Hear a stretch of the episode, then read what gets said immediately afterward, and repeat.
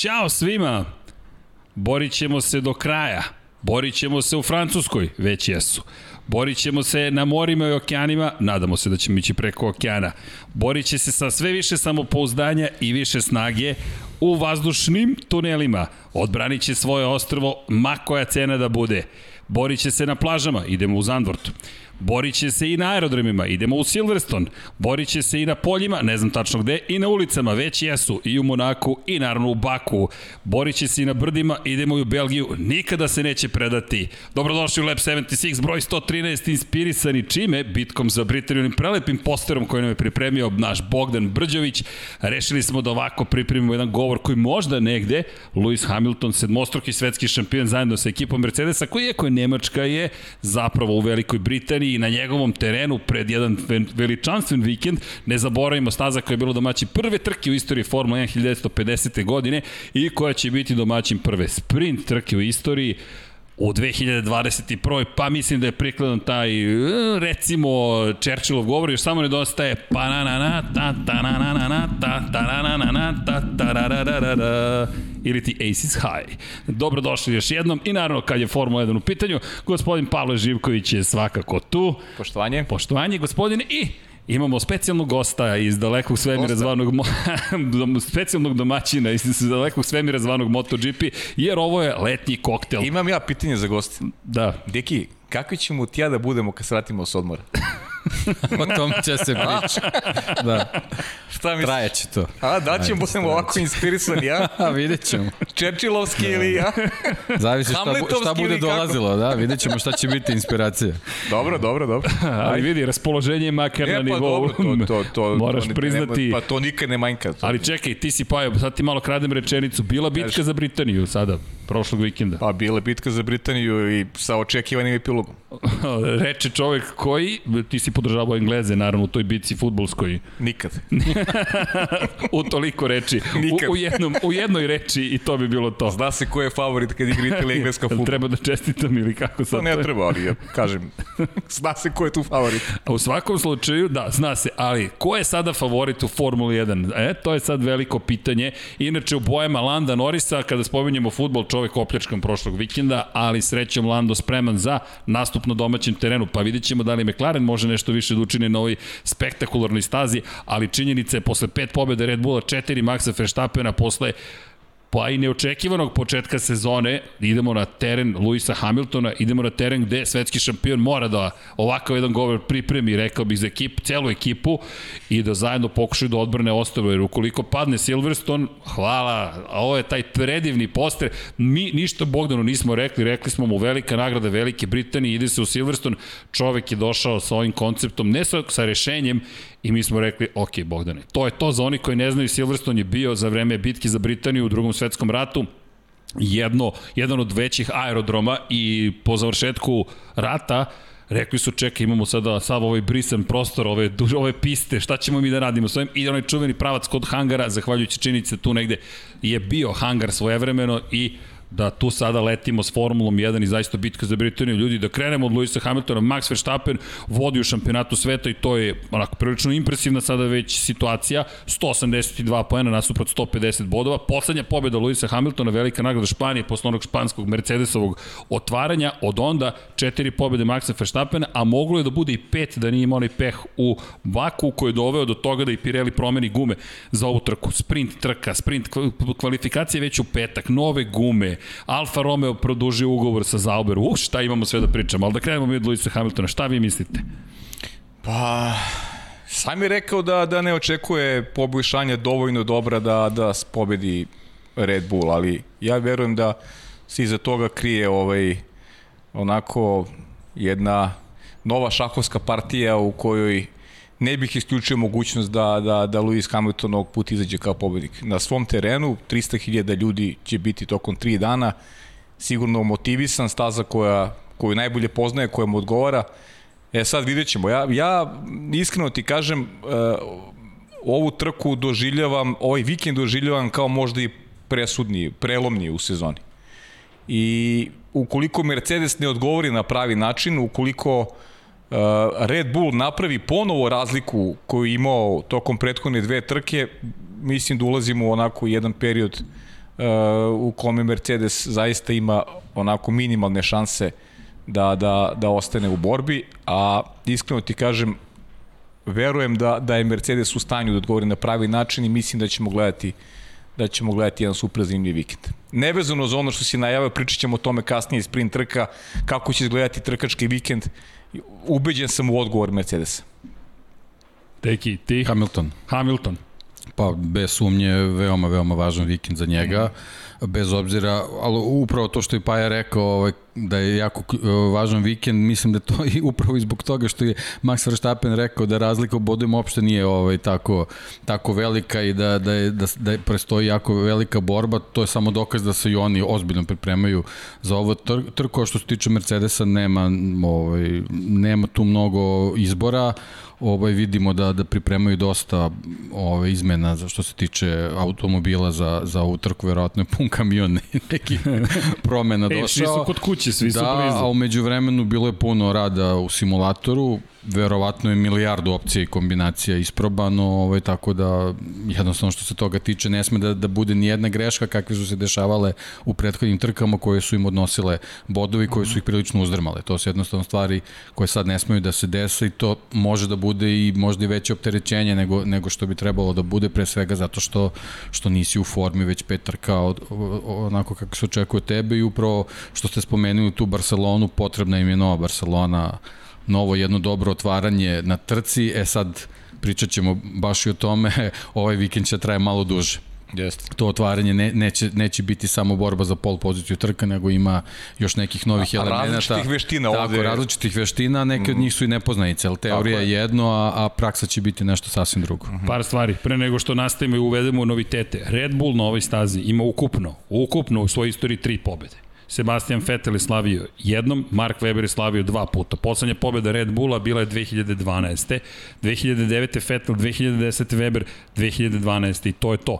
Kada pogledamo najuspešniji timove u istoriji, ne čudi pretpostavljam što Ferrari ima 17 pobjeda i to je najuspešniji, Ford, činjenica, iako je to Cosworth zapravo, ima svojih 14 pobjeda kao proizvođač, Ferrari 16 kao, kao konstruktor, McLaren ima 14, Williams ima 10, Mercedes ih ima 8, zajedno s Lotusom su izjednačeni i ova decenija je pripadala Mercedesu, to je prethodna, 2013. 14. 15. 16. 17. 19. 20. jedini put kada se nije desilo u hibridnoj eri da nisu zabeležili pobedu, bio je čuveni moment Ferrarijevog triumfa koji je posle izazvao i onaj moment u Monci. Jeste. Pa znaš kako, idemo sad u dve, na dve trke, na kojima je Lewis Hamilton nenadmaš. Evo, sedam pobjeda. sedam pobjeda, Hungaroring osam pobjeda. Dakle, to su dve staze gde je on bio izrazito dominantan u, u ovoj eri Mercedesa, pa i pre toga još dok je vozio za McLaren, prosto dva mesta koja, koje njemu onako su popuno, što se žar, žarguski rečeno, onako legla kako treba. Izvini. I, I zato je ovaj moment sezone toliko, toliko važan odgovor na, na, na, na tu sad inicijativu, da kažem, Red Bulla i zaista negde verujem da će Lewis Hamilton pokazati i Mercedes pokazati pravo stanje. I zaboravio sam jednu bitnu pobedu prošle godine, pošto je velika nagrada Velike Britanije, a to je velika nagrada e, godišnjice zapravo a, dobro, 70. Da, da, okay. koju je dobio Red Bull. To je četvrta yes. pobeda, moje izvinjenje, i Max Verstappen. I to je, zahvaljujući boljem korišćenju mekših guma, međutim, kada već spomenjem gume, ajmo da uvedemo prvi novi faktor, mada, mo možemo da saopštimo ekskluzivu za sledeću godinu. Imamo ekskluzivnu vest, ovo ćete čuti sada u Lab 76, od sledeće godine novi tim je u Formuli 1 i mi ćemo pokazati boje te nove ekipe. Vanja, ako možemo, ja se nadam da ste zadovoljni. Infinity Lighthouse ulazi na velika vrata sa bolidom za 2022. Pa niste valjda mislili da smo propustili ne, ne, neću samo reći ko će da vozi, to, to, to će da ostane tajna za sad. Dom Pablo će da vozi, ili pa imali smo, čekaj, Lewis Hamilton je bio prošle nedelje ovde. Pa dobro, ali mislim da Jeste traži... Jeste se dogovorili sa Lewisom da traži, traži mnogo novca. ok. Traži mnogo novca, ja bih ipak da, da uvedemo jednog mlađeg vozača ovaj, e, s kojim ćemo da pariramo u budućnosti ovaj, najvećim rivalima, tako da... Pa dobro, ima ih. To je ekskluziva za sledeći put. To je za... tako je, tako ekskluziva za sledeći put. Ja se nadam da ste zadovoljni. Pozdrav za Bogdana, pozdrav za Petra. Petar Perić je pripremio. Ovo je inače koncept koji je rađen na pre nego što su saopšte, predstavili novi bolid i slažem se s vama, ajmo da isečemo ovaj uvod. Ipak jednom od najvećih vesti u poslednjih koliko, skoro 10 godina, potpuno novi bolid od naredne godine, otprilike će ovako da izgleda Vanja Vanja, daj da poporedimo kako je Formula 1 pokazala bolid i kako Infinity Lighthouse pripremio bolid, pa ja se nadam da ste zadovoljni ovim renderima, evo ga i naš uh, art direktor ili ti direktor, umetnički direktor Nikola Brđević koji je došao da vidi šta mi to pričamo o bolidu, pa evo ja se nadam da ste zadovoljni, Vanja, daj da vidimo šta je rekla Formula 1, kako će da izgleda naredne godine, pa koliko smo blizu u celoj ovoj priči, ljudi, Pa dobro, boje su možda šarenulikije, ali nismo daleko bili kada je reč o, o konceptu, tako da pozdrav za celu umetničku ekipu Infinity Lighthouse-a, ovo je budućnost od naredne godine 2022. stiže novi bolid, stižu drugačiji točkovi, kao što možete videti, stiže dosta promena, neki od efekata koji su bili, zapravo neke od stvari koje su bile zabranjene godinama, sada će biti deo, sastavni deo pravilnika i između ostalog očekujemo naravno i efekat tla da bude tekako važan, da se smanji uticaj aerodinamike iza bolida koga pratite, to vrtoženje vazduha i takozvani prljavi vazduh, da će uticati na, to jest oblik bolida uticati pozitivno na preticanja, na same bitke koje nas očekuju i jedva čekam, moram vam priznati, da vidimo šta će se sve tu desiti. Povrh svega Alfa Romeo koji je produžila ugovor sa Zauberom i rekao Frederik Vassar da je to prosto pokazatelj koliko Alfa Romeo ozbiljna i kada spominjemo prosto Alfa Romeo, kada pričamo o prvoj trci u istoriji, Giuseppe Nino Farina zabeleži pobedu. Pa ti si imao zanimljivo pitanje apropo toga. Pa dobro, da, ali ispravio me, ovaj, ispravio me gospodin tamo što sedi preko puta, ovaj mladi gospodin. mladi gospodin, da. Da. Pa je postoje pitanje, da li ćemo vidjeti pobednika na slovo F? Da. Pa jedini čovjek ima slovo F u imenu ili prezimenu na prvo je slovo... Vettel, da, u stvari. Pa nije, pa nije, nije. Vettel, imamo I... samo, nemaju, nemaju, Fernando, Fernando Alonso, jedini koji nam je ostao. Tako da, Ovde Don Pablo nešto kritikuje, ali Don Pablo će mi ignorisati večeras, nešto nije u raspoloženju. Zavisi kako gledaš, da. Da, kako se posmatraju stvari. Da. Ali, ali, novi bolid je ljudi izašao i izgleda fenomenalno. Ja se nadam da ste zadovoljni našim bolidom. Kada spominješ inače, pa, sponzore i tako dalje, Ja bih da se zahvalim, to uvek početak, ali malo smo promenili u tom letnjem raspoloženju kome? Pa svim ljudima koji nas podržavaju, inače, majice, kao što vidite tu, čast Landa Norisa, neki su, ja ne znam, ovo je Mercedesova boja. Jeste, i... pa ja, ono što je rekao Deki, i, i meni je tip za vikend ovaj Lewis Hamilton. I Aston Martin sa leve strane. A generalno britanski timovi su tu. da, da, britanski, britanski timovi su tu. Da, tu. Jest, jest. Mercedes se tako deklarisao pred utakmicu, tako da, jest, okay. Jest. Ako oni kažu su britanski tim, slažemo se. Čekaj, šta bi bilo, za koga su navili kada su igrali Nemačka i Engleska? Ne, to sad već ne znam. Da. Treba ih pitati. ne znam, da. to je dosta dobar izbor, kogod da pobedi, mi smo pobedili. Ali da, ali da se zahvalimo svima vama i naravno čuvena poruka, vodite računa jedne drugima i mazite se i pazite se naravno i pozdrav za naše, jel te, patrone, to jest ljude koji su na Patreonu pokrovitelji Nenad Divić, Sava, Toni Ruščić, Marija Vidović, Ivan Toškov, Mladen Krstić, Stefan Dulić, Marko Bogovac, Ozren Prpić, Marko Mostarac, Nikola Grujičić, Aleksa Vuča i Zoltan Mezeji, Zoran Šalamun, Miloš Banduka, Laslo Boroš i još šest tajnih pokrovitelja. Tako da eto, zahvaljujući njima i svima vama, hvala imamo i novi bolid sledeće godine u Formuli 1. Naravno, to je šala, to moram pravno da izgovorim, inače može da se smatra da sam iznao lažnu informaciju. Nećemo, nažalost, imati tim sledeće godine u Formuli 1, ali smo se lepo zabavili s bolidom. Ali imaćemo tim. Tako je. Tako je. to svakako. Pa, da, bom. to svakako. Da, mi nastavimo dalje. Dakle, stigao je novi bolid, mnogo će biti pitanja o novom bolidu, pripremit ćemo i posebnu priču o tome šta sve to donosi novi bolid. Čak ni Formula 1 nije 100% sigurno. Dakle, dosta je spekulacija, očekivanja su velika, treba da se unapredi trkanje, pre svega to je direktni dueli, nadamo se da će se to desiti u skladu to jest shodno svim tim promenama tehničkim, imamo i sportske promene i bacit ćemo pogled sada na raspored koji nas čeka tokom ovog vikenda. Zašto? Pa ovo je jedan od tih koraka ka poboljšanju takmičenja, mada ništa nedostaje takmičenju ove godine kada pogledaš koliko su konkurentni vodeći timovi. Trening broj 1, petak 15.30 po centralno evropskom vremenu. Dakle, ovo je takozvano naše vreme. Sat 1 traje trening 1 i pa je u 19.00 mi imamo kvalifikacije kakav šok, u petak su kvalifikacije koje određuju šta? Start sprint kvalifikacije koje su u subotu na programu od 17.30 i trajaće koliko? 17 krugova. 17 krugova oko 100 km. 100 da, km. Mm. Trening 2 u subotu od 13 časova da se pripreme za sprint kvalifikacije, da ne kažem sprint trku, mada ga zovu sprint kvalifikacije zvanično, i trka, pra, glavna trka u nedelju od 16 časova. Pa dobro, kad, i kad pričamo o svemu tome, treba dodati da nas zaista čeka jako dobar raspored i na naši program na sport klubu. Da, imamo još stvari imamo koje stvari, ćemo pokriti. Mnogo još stvari koje ćemo pokriti. I tako Formulu da 2 i Formulu W. Petak, subota, nedelja smo onako bukvalno ceo dan u sedlu i super druženje nešto. Nadam se da ćete uživati. A kada je reč o Formuli 1, videli ste dakle kako izgleda ljudi, mi sutra već imamo kvalifikaciju uveče.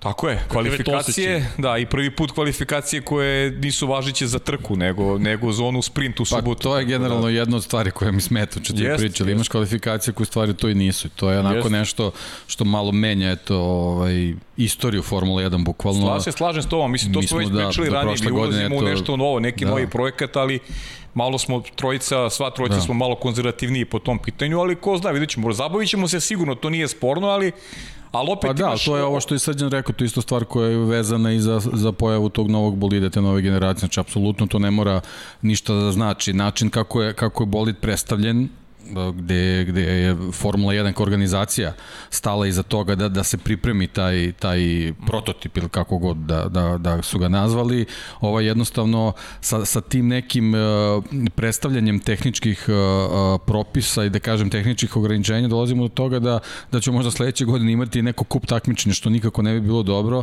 tako da se nadam da je ovo što smo videli fizički kao, kao novi bolid za, od, od sledeće godine, kao neka nova generacija automobila bila u stvari samo neka polazna osnova na osnovu koje će ekipe razvijati ovaj, takmičarske bolide od sledeće sezone i nadam se da ćemo dobiti nešto a, malo drugačije od ekipe do ekipe u odnosu na ono što smo, da. što smo videli ovde. To isto važi i za, za ovaj novi, novi format a, trka gde a, ekipe stvarno se, će se tek sutra ujutro susresti sa nečim ovaj potpuno novim i, i bez obzira koliko bile te simulacije rađene pre, pre samog Silverstona, mislim da stvari od sutra, od tog prvog treninga počinje ta čitava priča iz početka. Na šta još, deki, ti sutra imaš jedan trening u 60 minuta, ti moraš da budeš u to, tim treninzima maksimalno oprezan, jer, jer neka greška, neki kvar, neki, neki problem na stazi koji izazoveš, može ti uništi e, pojavljivanje na kvalifikacijama. Tako I šta ako se pojaviš na kvalifikacijama? Ti završio trkački vikend. To je baš onako to, to si nezgodno. Ne, da, da, završio si trkački vikend. Znači, Sprint trku od 17 krugova ako kreneš sa začelja. Tako je, pritom ne sviđa mi se, znaš šta da. mi se još ne sviđa? Ne sviđa mi se što se uopšte boduje ta sprint trka. Jer ne budu se ni kvalifikacije, u suštini sprint trka je kvalifikacije. Kvalifikacije niko ne dobija poene za, za, da. za pobedu u kvalifikacijama. A ti sad dobijaš 3 poena za pobedu u kvalifikacijama. Dakle, dobijaš 3 poena u stvari uh, za, za prvo mesto u kvalifikacijama. Dva poena za drugo, a jedan poen za treće mesto. Znaš kako, ponovo praviš da, nešto što možda, nije... Tu je možda dobra stvar što ti bodovi možda neće toliko uticati na kraju. A šta ovaj, ako utiču? Ako utiču, ali recimo sećaš se imali smo sezone gde, gde je uvedeno da na kraju poslednja trka je bodovanje duplo. Pa dobro, to I je na kraju, nonsens, to je pa da, ali, ali dok se to nije e, pojavilo, nismo mogli da znamo koliko to nema smisla. Tako da verujem da, da je ovo, ova pojava sprint trke jednostavno mora, mora kao eksperiment da zaživi praktično, da bismo u stvari videli pa da li može nešto da donese. Jer, kažem, sve što je na papiru, sve što je u nekoj teoriji pada u vodu kad se to, to fizički dešava, ali jednostavno, što kažeš, mi smo onako malo tradicionalno usmereni pa, dobro, ka da, Formuli okay. 1, ja posebno, mislim, to, to zaista priznajem i ovo je pa neka pa isto, stvar isto koja ja onako uh, remeti, remeti neko ustrojstvo koje je bilo u Formuli 1 da jednostavno vozi se kvalifikacije i na osnovu tih kvalifikacija određuješ pol poziciju za trku. Ovde sad imaš neku potpuno izmešanu priču gde ja ne znam, mislim, ta, ta sprint trka jednostavno neće dozvoliti nikakve kalkulacije pre svega zato što ti određuje startni poredak za, za, za, za glavnu trku i to stvarno može neko da bude u velikom problemu. Jeste. Pritom ta split trka može, može bude zabavna, pa, jer ti teoretski možeš da menjaš pneumatike ukoliko želiš u sprint teoretski, trci. Da, dakle, teoretski, teoretski da, možeš da, da se, da, možda se prilagodiš. Nisi obavezan, naravno. Nisi obavezan, ne, nisi obavezan, naravno, tih 17 krugova 100 km nisi obavezan, ali možeš i to da uradiš. Znaš, možda napraviš, znaš, neko može da napravi neko iznenađenje, Pa ne, ali vidi. Zašto George Russell ne bi rizikovao recimo nešto u kvalifikacijama, nešto tog tipa? Sve to okej, okay, ali zamisli ovu, pošto vozimo u zemlji gde vozimo. Šta ako padne kiša? Naravno. Da. To je, to su sad sve neke priče, ako mi budemo imali ovaj sprint trku sa kišnim gumama ili intermedijitima ili nešto, to da. stvarno, stvarno remeti ovaj, bilo, bilo kakve kalkulacije, bilo kakve planove. Čisto da spomenem, da. prognoza kaže da neće biti kiša. Dobro, da, ali kažem... Nikad se ne zna na ostrovu, I, naravno. Tako jest, je, jest. tako je, posebno tamo ne. I što je naj, najvažnije i najveća stvar, automobili posle svake ove sesije koje smo izli odlaze u Park Ferme nema toliko vremena za, da. za promene, za... I šta je razlika u odnosu da. na, ovaj standard? Neki ti u nedelju u trci možda biraš pneumatike na kojima ćeš da, da, da. voziš trku. Dakle, nema ono, nema, ne određuje se to na osnovu, sada imaš ono Q2 pa biraš strategiju napred. Ti, ti sada možeš za nedelju, a, to mi se dopada u stvari. Znaš, to je nešto mi se dopada u celoj priči, da ti možeš dakle, da izabereš pre trku na kojim gumama ćeš krenuti. E tu može dođe možda do neke Da, e to je možda jedna od stvari koje je koji, McLaren, koji su, koji su Mercedes radio u simulatoru, da. tako da ćemo vidjeti kakva će biti ova njihova odluka za, za trku pod uslovom da bude lepo vreme. Tako je, da. I kada već pričamo o, o, o izboru pneumatika, samo da napomenemo da od sledeće godine bi trebalo i da bude ukinuto pravilo da u Q2 gume koje koristiš za prolazak u Q3 moraš da koristiš na početku trke. Tako da je sve ovo neka priprema za budućnost koja dolazi. Da, i to smo videli na bolidu, smo zaboravili smo bitna stvar su niskoprofilne gume koje Jeste, sledeće godine stupaju na, na scenu. To samo smo spomenuli da su vidimo u Formuli 2 otprilike to će tako nešto da, tako će nešto to da izgleda, da. Je morao da prepusti Ferrari u testiranje s obzirom na činjenicu da budžet to nije dozvolio, hvala Vanja. To je upravo taj moment, dakle vidimo gume koje inače će takođe uticati na ponašanje, više oslanjanje, nema amortizaciju kroz gume, dakle to utiče direktno i na kompletan sistem oslanjanja i menja ponašanje bolida. Nijedan podatak praktično nemate za ono što dolazi sledeće godine. Što će nadam se otvoriti priliku i nekim drugim timovima, ali pre nego što krenemo na priču o drugim timovima, ono što je važno napomenuti, mi imamo istoriju, istoriju, istoriju, sa svih strana nekako istorijski momenti i još jedna bitna napomena, mada Svanja, daj ovo poslednje što smo pričali ti i ja dok su ćaskali, dok je cijela ekipa ćaskala. E, ovo stiže sutra u studio, a sutra se predstavlja izvanično globalna igrica. Kao što možete vidjeti, kad nas podržite pare, odu tamo gore desno. Čisto da znate, ima PS5 upgrade available, PS5 je stigao, tako da, nadamo se da ćemo ga lepo koristiti, mada mislim da nećemo moći PS5-icu da koristimo s obzirom na činjenicu da ceo sistem je za četvorku, pa će četvorka Pro biti upotrebi, ali da znate, ovo nije igrica, ovo je testiranje ozbiljnog jednog sistema kako bismo mogli vama da prenesemo bolje iskustvo e, Formule 1. Tako Mi to da, ne radimo zbog sebe. Nika, ni pošto, ni pošto, ali razumite našu žrtvu, prosto neophodno je kako bismo bili bolji u našem poslu.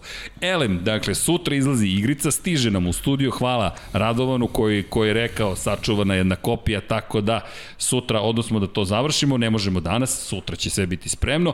S druge strane, sprint trka stiže, to je sprint kvalifikacije stižu i još jedna bitna napomena, Šta stiže? Stiže i naravno nova Pirelijeva guma.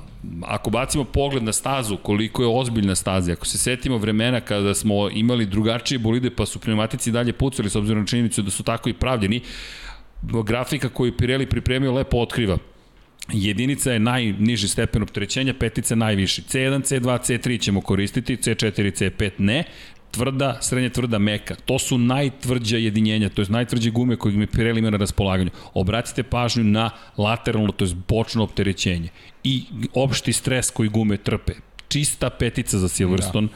i to je ono čega su se pribojavali, zašto su i menjali gume za sam Silverstone, s obzirom na činjenicu da su bokovi stradali u Baku i nisu želeli da, da stignu Silverstone na mesto gde će eventualno ponovo da pucaju gume. Nadamo se da neće.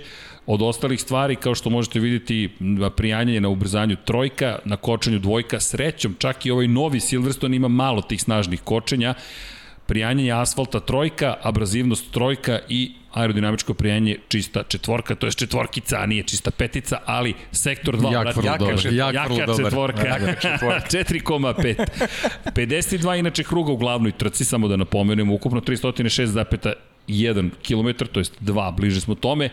Rekord je 1.27.097 iz prethodne godine Maxa Verstappena na mekšim gumama, ali sektor 2 to je praktično prolazak dobrim delom kroz nekadašnji početak staze i taj deo gde imamo neke od najboljih i najbržih krivina jeste nešto što ćete kako testirati gume.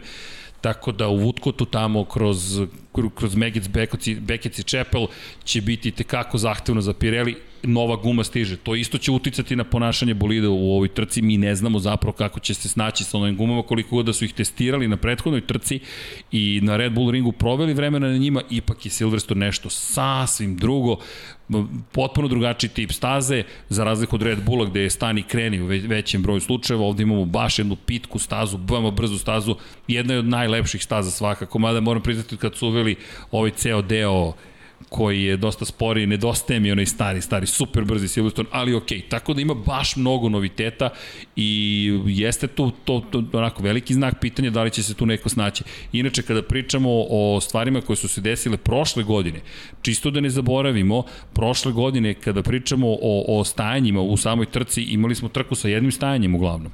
Dakle, Hamilton pa, pukla, mu je, više. pukla mu je guma na kraju, da. ali opet sa, sa tom Botas gumom isto. stigao do cilja. Tako je. Da. Verstappen je menjao dva kruga pre kraja Jest. kako bi bio stigao. Preventivno, da. Preventivno, da, da, da. Da nije menjao, možda bi pobedio. Da, da nije menjao. Ali me to dovodi do onoga što si spomenuo, možda će neko rizikovati i reći, ej, ovih 17 krugova, inače gume su menjali posle pa, 12 ja, ja očekujem, krugova. Ja očekujem da će to raditi e, Pazi, Me, meke za sve možda. Pa ne, ali kako bih ti rekao, šta može da izgubi Alfa Romeo recimo?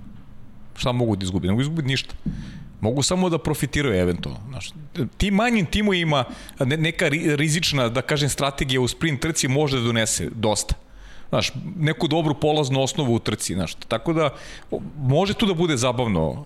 17 krugova nije malo, nije, nije malo previše, posebno za, za meke gume. Ali, da, si na granici. Da, ali, to je baš, tu, tu baš si negde, tu si da. negde. 100 km nije mala distanca. Jest.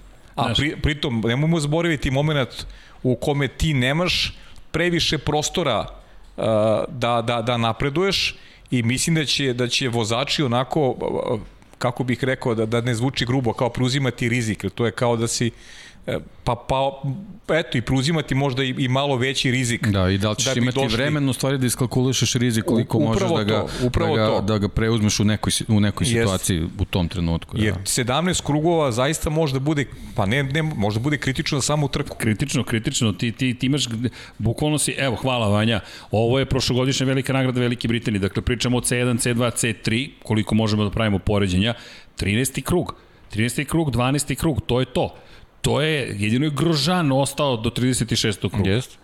I sad, da li, da li to, šta to znači? Meke, da li mogu da izdrže? Ili moraš srednje tvrde? Da li srednje tvrde mogu da izdrže? Ili ćeš ići na tvrde?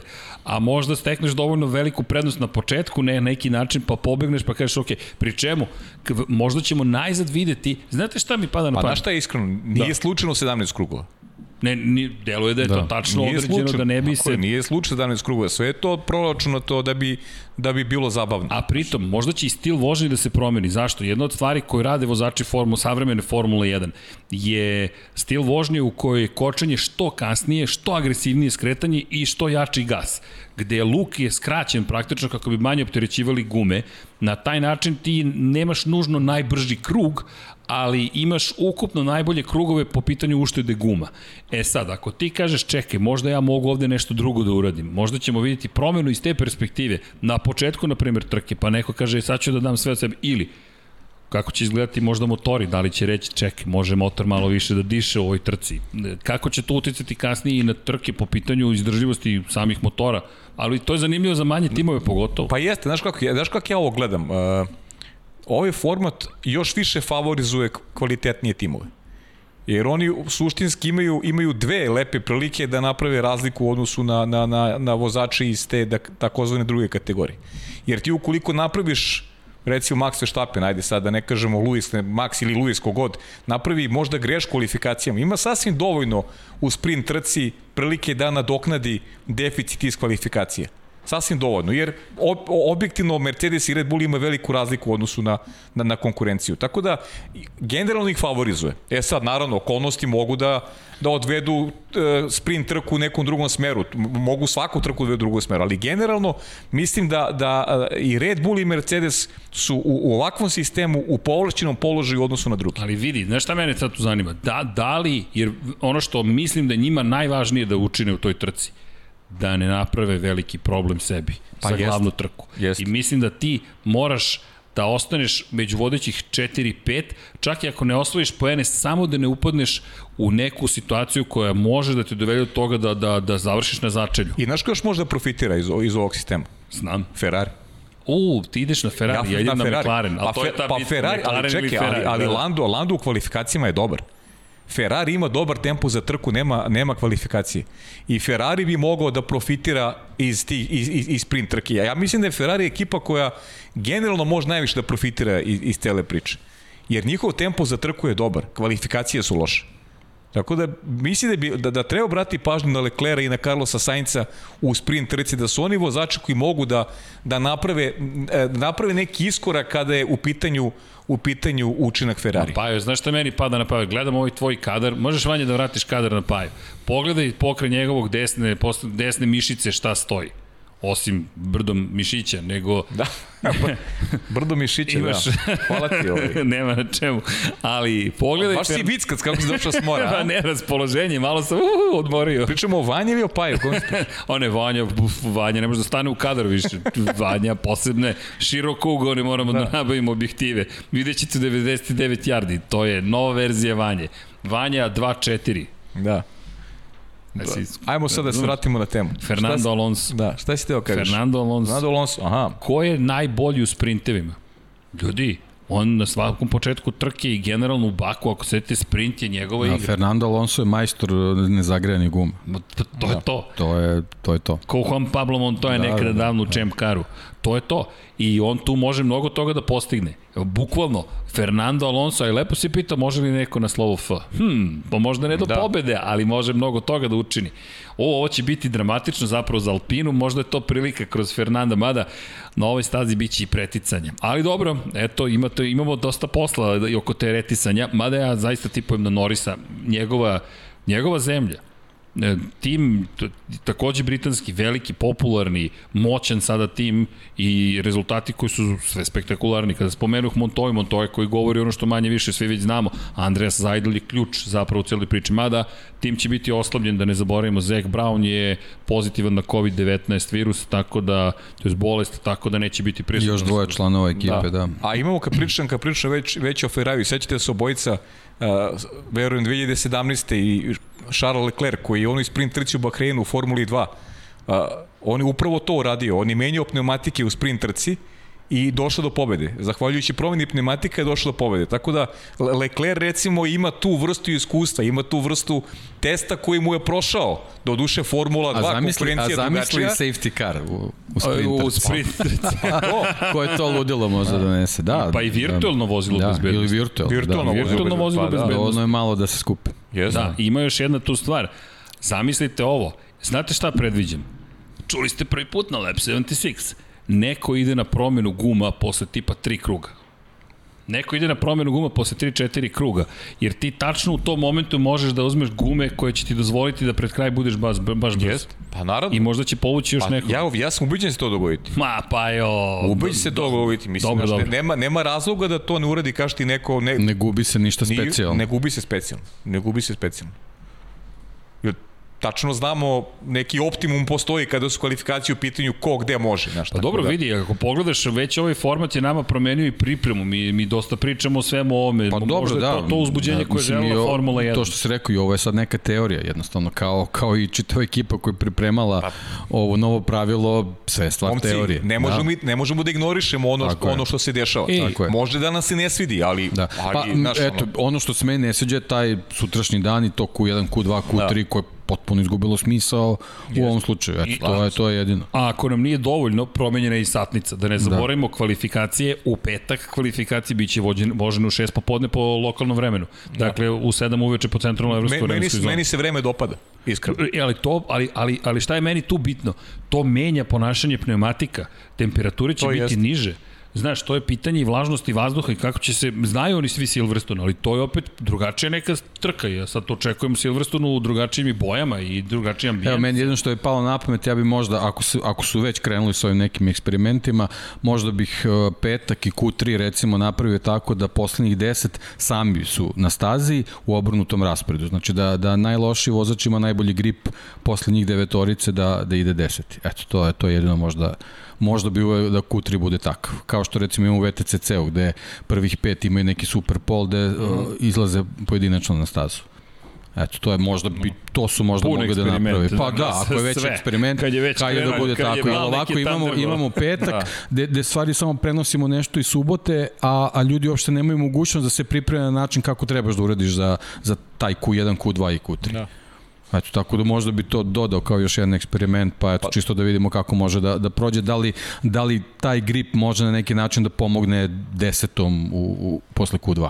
Pazi, e, sviđa mi se, sviđa mi se raspored satnice, mi se dopada jer ti u suštini sada, e, znaš kako, pe, petak je petak je važan svima nama pasioniranim ljubiteljima Formule 1 jer, jer ti spoznaš mnogo toga na osnovu dva slobodna treninga, ali ti imaš petak kvalifikacije i ti ostavljaš prostor ljudima koji, znaš, ljudi realno rade, znaš, i ne mogu da gledaju kvalifikacije u, u negde u tri Vidi, popodne, ti, ti znaš. si sve objasnio, to je bukvalno napravljeno da kad završiš s poslom, kažeš Završi, ok, gledam tako je, ok, kvalifikacije. idem, gledam kvalifikacije i, i, na, i potpuno je normalno da ti omogućiš ljudima koji vole Formu 1 da gledaju kvalifikaciju u nekom terminu koji je prikladno, znaš, ne završio si posao i gledaš kvalifikacije.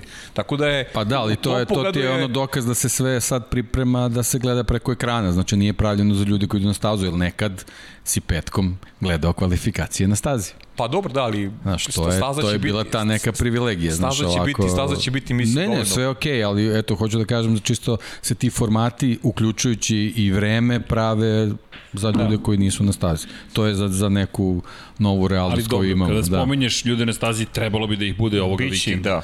da. Velika Britanija je ukinula, već, ne većinu, sve praktično restrikcije koje je imala Pa ali, COVID-19. ali nije baš situacija... Nije dobra situacija. Nije baš dobra. Nije, mislim da će se to vrlo brzo promeniti zapravo. Znam, znam ljude koji žive tamo, nije baš onako u, u ovoj situaciji. Mislim da je dobra. prerano počelo slavlje. Nažalost. Prerano, ja mislim da... Nažalost. Da. Ali, Ali dobro, mislim, trenutno ne- ne utiče na, na konkretno ovaj vikend koji je Na ovaj vikend definitivno utiče, nadamo se da neće ni u budući uticati, ali ajde, da, da, da, se, da se ne bavimo temama kojima nismo Pa dobro, da, znali, imali su, imali su futbal, bio je tenis, Da. Formula 1 i to je otprilike sad to sad. Valjda neće biti neki lockdown tamo posle svega, ali... Pa dobro, da. I čeka nas MotoGP. Da, da. Čeka nas da. MotoGP. Inače, ovdje ima dosta pitanja za MotoGP. Neće biti samo, samo trunčica MotoGP-a. Ne, ovo je koktel Formula 1 s primesama MotoGP-a, tako da budite strpljivi, bit će i Q&A, to je popularno pitanje i odgovori. Udrite like, čekajte, a, A, pa da zarđao sam. Udrite Previše like, like, udrite i subscribe, pa naravno like, zato što je to lepo, lajkujte i tako, bit će zabavno. Inače, nama stižu neke lepe stvari iz Švajcarske, tako da nadam se da ćemo moći da vas obradujemo. Čokolade neki? Naravno, gde- Volao bi ti to. Ne, ne. ne, pa ne, ja ne, nisam, ni- nisam ljubitelj slatkiša. Neka druga vrsta čokolade. Sad me učiš za jezik. Zašto to radiš, pa zato što sam stigao s mora. Aj, zato što je suviše zabavno. Dobro, ajde. da nismo se dugo videli. Pa. I to je tačno, i to je tačno. Ali zato si tri dana naredna sa mnom u kabini. Ne razdvajamo se tri dana. Nećemo se Ne odvojiti. Biće sjajno. Biće, siguran sam. Samo da radi klima. Da. Ali dobro, da se mi vratimo u Silverstone. U svakom slučaju, teške teme. Ove, da, biće, biće uzbudljivo, rekao bih. Krenuli smo od Hamiltona i Verstappena i krenuli smo od njih, ali sve ostalo se nekako nametnulo. Prosto sve ovo što se zbiva, istorija, istorija, istorija, zaista istorija, a možda će se desiti i istorija, vidit ćemo kada je reč o Red Bullu, pošto ukoliko nastave da, da pobeđuju, to već ide ka tome da, da bi mogli zaista da Pa ispišu. to ide kao onoj tvoje reči dominacija, ide ka dominaciji. Ako, da. ako i ovde pobedi, onda ide ka dominaciji. Mislim, znaš, to, to je jasno. Znaš, kad pobediš pet puta za redom, već, već stvari onako izbiču kontroli rivalima. pobede, Znaš, to pogotovo je, način pobede. to, to Ferrari nije imao ono vreme kada se borio sa Mercedesom, Ne. da pobede pet puta za redom. Nije imao. Ne, ili da tako kontroliše, izvini, trku na način na koji su Pa kontrolisali. ne, ovo, ovo, pred, ovo u Austriji je zaista bilo onako baš, baš dominantno, pogotovo posljednja trka. To jeste dominacija. I čak i da nije Lando Norris u jednom momentu držao iza sebe Luisa Hamiltona, ne bi menjalo suštinu. Bilo bi možda manja razlika, ali ne bi menjalo suštinu. Ne bi imao možda Max taj luksus da u finišu trke menja gume. Eto, jedino to možda ne, bi, se, ne bi se dogodilo, ali sve ostalo je Ma, zaista ne, bilo... ne samo trkan, kompletan vikend, Vikend, je ceo, pokazao da, da, da, da to je jeste. neki drugi nivo postao potpuno. Jeste, potpuno. Da, izvinjam se, moram da govorim na jedno pitanje. Kaže Keno, da li je ovaj te podcast ima određeni termin? GP Balkanci kažu ne. Kako nek, nek GP Balkanci od 113 komada, jedno 90 ih je bilo utorkom i... 21, Ma ne, da. 90, 100 ih je bilo utorkom i sredom. Utorkom od 21.00 do 90% slučajeva, Sreda sredom od 21.00, ali imali smo malo u prethodnih par nedelja situaciju. Drugo, pokušamo da odmorimo između trka, nekako sve to da uklopimo, a opet i da se vidimo. I ja nisam mogao da stignem nikako utorak, pa smo pomerili za četvrtak. Zašto? Zato što smo čekali 15. juli da sa predstave novi bolid Formula 1, pa smo čekali da za, na, zajedno uradimo najavu sprint trke. Dakle, da Keno, nemojte da brinete. Tu smo od 21.00 utorkom, ali činjenica u julu i avgustu čak i Pavle će ići na odmor. Čak da. Čak i Pavle će ići na odmor od septembra kada je back to school, back to studio u našem slučaju, termini 21.00 utorkom, 21.00 sredom i 21.00 petkom za 99 yardi. Umeđu vremenu pratite pod kapicom, ko voli vaterpolo pogotovo, ukucite pod kapicom.com, redirektovat će vas na YouTube kanal Paja Živkovića, čoveka koji radi čudesan posao kada je reč o promociji vaterpola i bilo bi lepo, podržite ga, pogledajte, lajkujte, subscribeujte se, fenomenalan je zaista podcast i, i imena koja tamo kažete sad sam pričao sa ljubiteljima vaterpola i prolazimo kroz spisak ljudi, nemam reči, fenomenalno. Zaista fenomenalno. Tako da ne hvala, brinite, gospodo, hvala. to su termini. Eto, nadamo se da ćete baciti pogledi na podkapicu. Posle, nemojte sada da odlazite. Ne, ne, nikako. Molim vas, Lab 76. I tako. I pitaju za Dom Pablo. Tu je Dom Pablo, ništa, nemojte da brinete Vanja i on zajedno u teretanu. Svi su nam tu odnosno prošle nedelje samo Luisa nema. Luis, Samo. pa, naravno, Luis u A Silverstone. u Silverstone je čovjek, ne može, ne, ne, ne može, mora. Došćemo ga neki put ponovo. Dobro. Mogao bi Rossi da svrati, mada vidim da je na hvaru.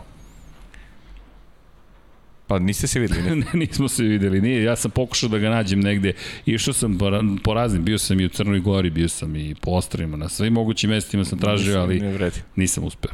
Sakrio sve tebe. Ni, na- nisam uspeo, ali dobro, bit će prilike, nadam se. Nastavit ćemo da ga tražimo. No, da mi nastavimo celu priču, a to jeste, imamo bitku Hamiltona i Verstappena, nema tu mnogo što da se doda. Od prve trke, inače ovo je deseta trka, približavamo se polovini sezone, 23 izvanično i dan danas stoje, tako da dolazimo do onog što smo rekli na, što smo rekli na početku, to je koliko je važna ova trka Jeste. koliko je Silverstone veliki. Inače, posle Silverstona ponovo pauza. Nekada je to bio normalan termin kada nemaš nedelju za nedeljom trke, sada je to pauza i ta pauza će trajati uslovno rečeno do 1. avgusta kada je na redu te violine koje ste čuli, to je to je Ja sviram.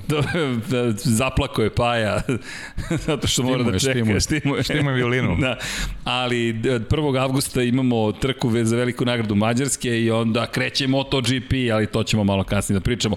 No, pričamo o malo pre McLarenu i Ferrariju. Ta bitka će se isto nastaviti. Norris pre svega protiv Sainca i Charles Leclerca i sa druge strane čekamo Ricarda koji je rekao da nije mu žao što je napustio Red Bull uprkos šampionskoj formi, prosto smatra da je napravio pravi potez kada je otišao u Renault, sada kada je otišao u McLaren, vidjet ćemo, ovo mu je važan test, čak i McLaren rekao da je ipak očekivao više od Daniela Ricarda. Pa dobro, mislim, lagali bi da, da, da kažu suprotno, ali ja i dalje negde vidim da postoji tu dobar odnos, korektan odnos eh, sa, sa Ricardom. Ricardo je jednostavno onako čovek koji ume da napravi lepu atmosferu, lep, lep ambijent oko sebe, a siguran sam da će, da će i sezona kako bude odmicala biti sve bolje. I podsjeća me malo i na eh, i na prošlu, pa i na preprošlu da je, da je Lando Norris uvek bolje otvarao sezonu, a Carlos Sainz je dobro zatvarao i ja siguran sam da će Ricardo vremenom biti sve bolji i da se nalazi na pravo mesto i da to ovo možda bude lepo uvertirao ono što McLaren čeka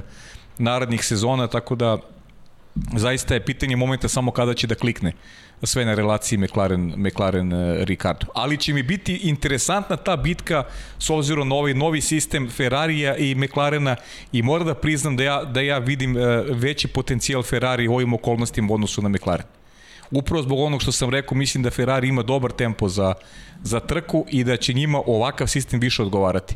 I ajde, vidjet ćemo u ostalom kako, šta će nam Samo doneti. sutra moraju budu dobri. Sutra da uđu u Q3. Pa, pa, pazi, da, pa mislim, da. Da. da, uđu u Q3 pre svega, ali mislim da mogu da nadoknade kroz, kroz tih 17 krugova, da mogu da nadoknade i potencijalno loš učinak u kvalifikacijama, što realno svi očekujemo da Ferrari jednostavno nema taj, taj brzi krug i nema tu vrstu potencijala da ovde konkretno u Silverstonu bude, bude bolji od konkurenata.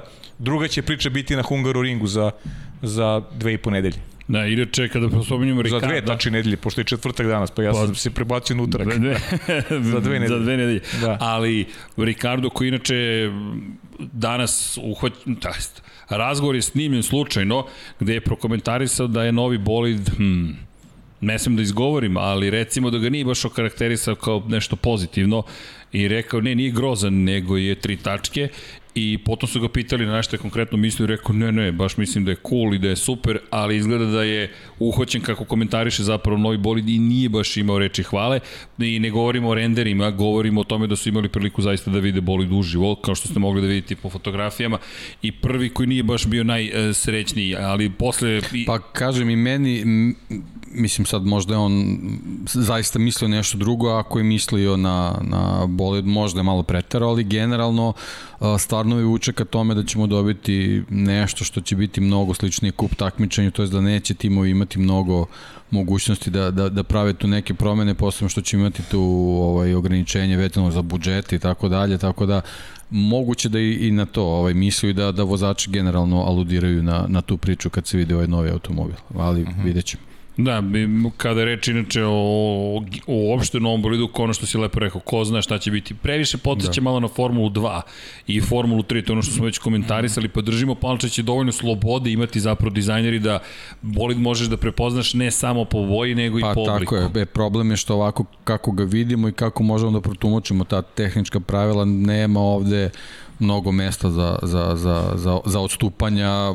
u toj nekoj velikoj meri. Ono što, što se meni dopada, dopada mi se taj zadnji deo vezano za, za taj difuzor, tu ćemo videti taj taj efekat tla kako će to kako će da. To sve da da da funkcioniše ovaj i samo ovaj oblik zadnjeg krila dovodi do toga da DRS ne znam nećemo imati ja ne znam nisam ovaj moram da priznam da Ne, ima, nisam ima DRS.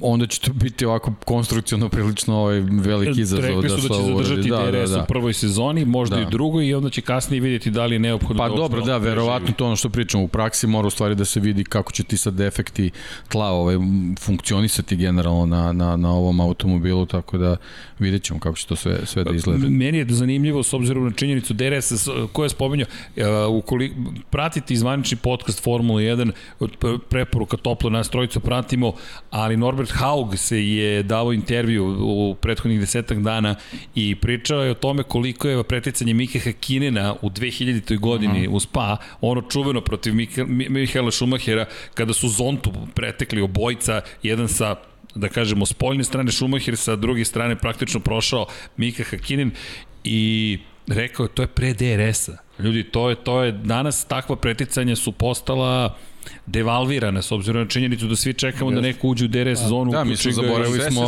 zaboravili smo termin slipstream. To je- Slipstream, tako mi je. Smo, mi smo zaboravili to i kako, kako su bolidi izletali iz njega. Zavetrinu koristimo je- samo u da, da, da, još da, uvijek, da. manje više to je to, ali inače za one koji ne znaju DRS, drag reduction system, sistem koji je uveden pre više od 10 godina, kako bi se smanjio aerodinamički otpor na zadnjem krilu, podiže se jedna od površina, smanji se aerodinamički otpor, poveća se maksimalno brzina i obavi se preticanje. I možete da ga koristite samo u DRS zonama koje se odrede pre Ljudi početka ne znaju, vikenda. ti ja smo ga uveli u stvari. Pa praktično da. ali, ali da, činjenica, eto, možete ga koristiti u samo tim zonama i ukoliko ste u jednoj sekundi od onoga koga pratite. Da, DRS, ovo, moramo da, da, da pomenemo samo možda neko je prvi put sa nama, nadam se da ste da uživate na pravom ste mestu kada je reč o Formuli 1, ali eto, ta nova Formula 1 od 2022. držimo palče da će da će vremenom dovesti do, do toga da nema potrebe za DRS-om. Od noviteta, inače, tu nije kraj novitetima, oglasio se Sebastian Vettel, to smo zaboravili da napomenemo, ko pobedi u sprint kvalifikacijama, to je sprint kvalifikacijonoj trci, će biti upisan kao svač pol pozicije. Dakle, neće biti upisan na svač pol pozicije da, koji u to je petak malo- bude najbrži. Pa da. To je, to je to što, što i meni generalno Pa, smeta u toj pa, četvroj da. priči, jer gubimo neki smisao kvalifikacija, ne, nečega što se, što se tako zove. Pa i, I i ono što, što smo pričali, pritom dobija i tri boda Da. za, za, za Znači, to je neki Q4 na kraju, tako ispadne. Q4 ispadne. Da, a dobiješ bodove. Dobijaš da, bodove. Ali i to posle cele trke. I Vettel je rekao da smatra to pogrešno. Prosto da ne bi trebalo da se daje pol pozicije onome ko pobedi u trci, već onome ko je najbrži u kvalifikacijama. Jesu, slažem se, sve sve se slažem. Da, I to je to. I ne sviđa mi se opet što smo rekli. Zamisli da, da odluče na kraju dva poena, recimo. I da osvoji titul neko koji je osvojio sprint trku u Silverstone. baš bi bilo onako neko bi se kosilo sa svim onim što, što je neka i tradicija Da, i što je ono Formula 1 bila do sada, 1, da, da, da. Znaš, ali dobro. Mora, živimo sa tim i, i vidjet ćemo kako će da izgleda u praksi. Ajde, pozitivno je što će inače vrat, vratiti ha, nešto što je nestalo praktično, ali imat ćemo pobednički venac. Pobednički venac će se dodeljivati, ne znam da se niko seća više pobedničkog Kako ne, venca. pa dobro, mislim. Čuveni, e, za sprint trku će u Silverstonu da uvedu ponovo pobednički venac, tako da eto, to je nešto Da, to je iz prošlosti. glamour slash Hollywood što Pa se da. tiče vlasnika Formule 1, ali Da. pa, vidjet ćemo, to, je, da to, ne, je, to da su sve stvari koje trebaju eto, da se prime. Ne, nije ovaj u redu no, a priori da ih sad od- odbacujemo, nego jednostavno hajde da damo šansu da Ne, ne, vidimo naravno. da vidimo kako će to sve da izgleda. Dajmo sprint pa, trci šansu. Dajmo sprint kvalifikacijama šansu. Sprint ja, ja ih neću zvati. Ne, ne, sigurno trka. Pa da, naravno, da, kvali, to, pa to, kvalifikacije su. Tako je. Realno su kvalifikacije. Pa tako, Tako i piše zvaničnom Pa da. programu. Sprint Tako je. qualification. Tako da, ovaj, eto, to, to je vezano za, za, ovaj, za te nove detalje. Mislim, što se mene tiče, ja generalno jedva čekam. To aps, apsolutno Ne, ne, nisam... ma, nije sporno. nego pa mislim, stvarno, stvarno bih voleo da vidim kako će to sve da funkcioniše. Tako je. E sad jedno pitanje. Kada već pričamo o tim kvalifikacijama, Valtteri Bottas, Sergio Perez, ako pogledamo formu u kvalifikacijama, Valtteri Bottas drugi vozač Mercedesa, Hamiltonov klubski kolega, mnogo bolji od Sergio Pa, Pereza, klubskog kolega Ali zašto, zašto, sam ti, zašto sam ti rekao, mislim, zašto ja mislim tako da su favorizovani Red Bull i Mercedes opet u ovakvom sistemu, više nego u onom tradicionalnom. Zato što ovde mogu da iskalkulišu, mogu da iznevelišu potencijalne greške u kvalifikacijama. Pogotovo tu mislim na Serhije Perez, koji inače loš u kvalifikacijama. A njemu ta sprint trka može da donese u najmanjem slučaju drugi red. E naravno, vožnja mora bude kudi kamo pametnija nego što je bilo na prošloj trci u Austriji, da je, da je napravio onu glupost sa, sa Landom Norrisom, da je bio malo strpljiviji i pametniji, mogao je da dođe i do druge pozicije na kraju I trke. pogledaj ovo, vremena, 2017. 18. 19. 20. i ponovo 20. Mercedes, Mercedes, Mercedes, Mercedes, Mercedes, Lewis Hamilton tri puta, Valtteri Bottas dva puta. I mislim da Mercedes, jedno od pitanja je bilo zašto mislimo da će sada Hamilton imati veću šansu, da li je samo zbog Britanije. Britanija i tekako, ali Silverstone, Britanija, promena pravila, njegovo i mesto Mercedes, ljudi. i Mercedes, I mora da Mercedes. uzvrati udarac, to ono što... Ne, ne, zvonilo je za uzbunu sigurno. A zvonilo, ne, nema šta je. Nema šta, to je... Pa ne, o, ako nije zvonio u Austriji za uzbunu, pa ja ne znam kada će da zvoni onda. O, Mercedes nikad tako nije izgledao. Da. U ovoj eri njihove dominacije pogubili su, pobeđujući Ferrari, ali na ovaj način to, to se nije dešavalo. Hajde pet, Da, pet poraza ovo je za bilo redom. na čistu performansu. čista performansa. Čista.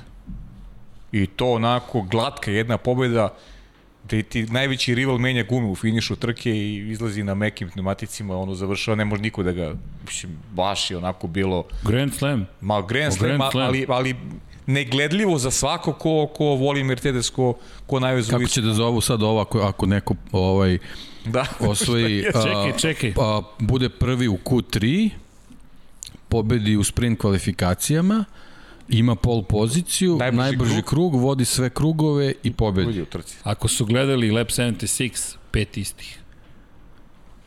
Pa ovo može da bude i šest isto. Da li smo... A, Da, da, li se, da li se pobeda na a, na ovaj sprint kvalifikacijama kvalifikacijama. računa samo kao Grand- pol pozicija na ili kao pobeda na sprint na kub, na kvalifikacijama? kub. Pošto si uzeo tri boda. Mogu ja nešto da Ajde. kažem. Kaži. Đoković Slam.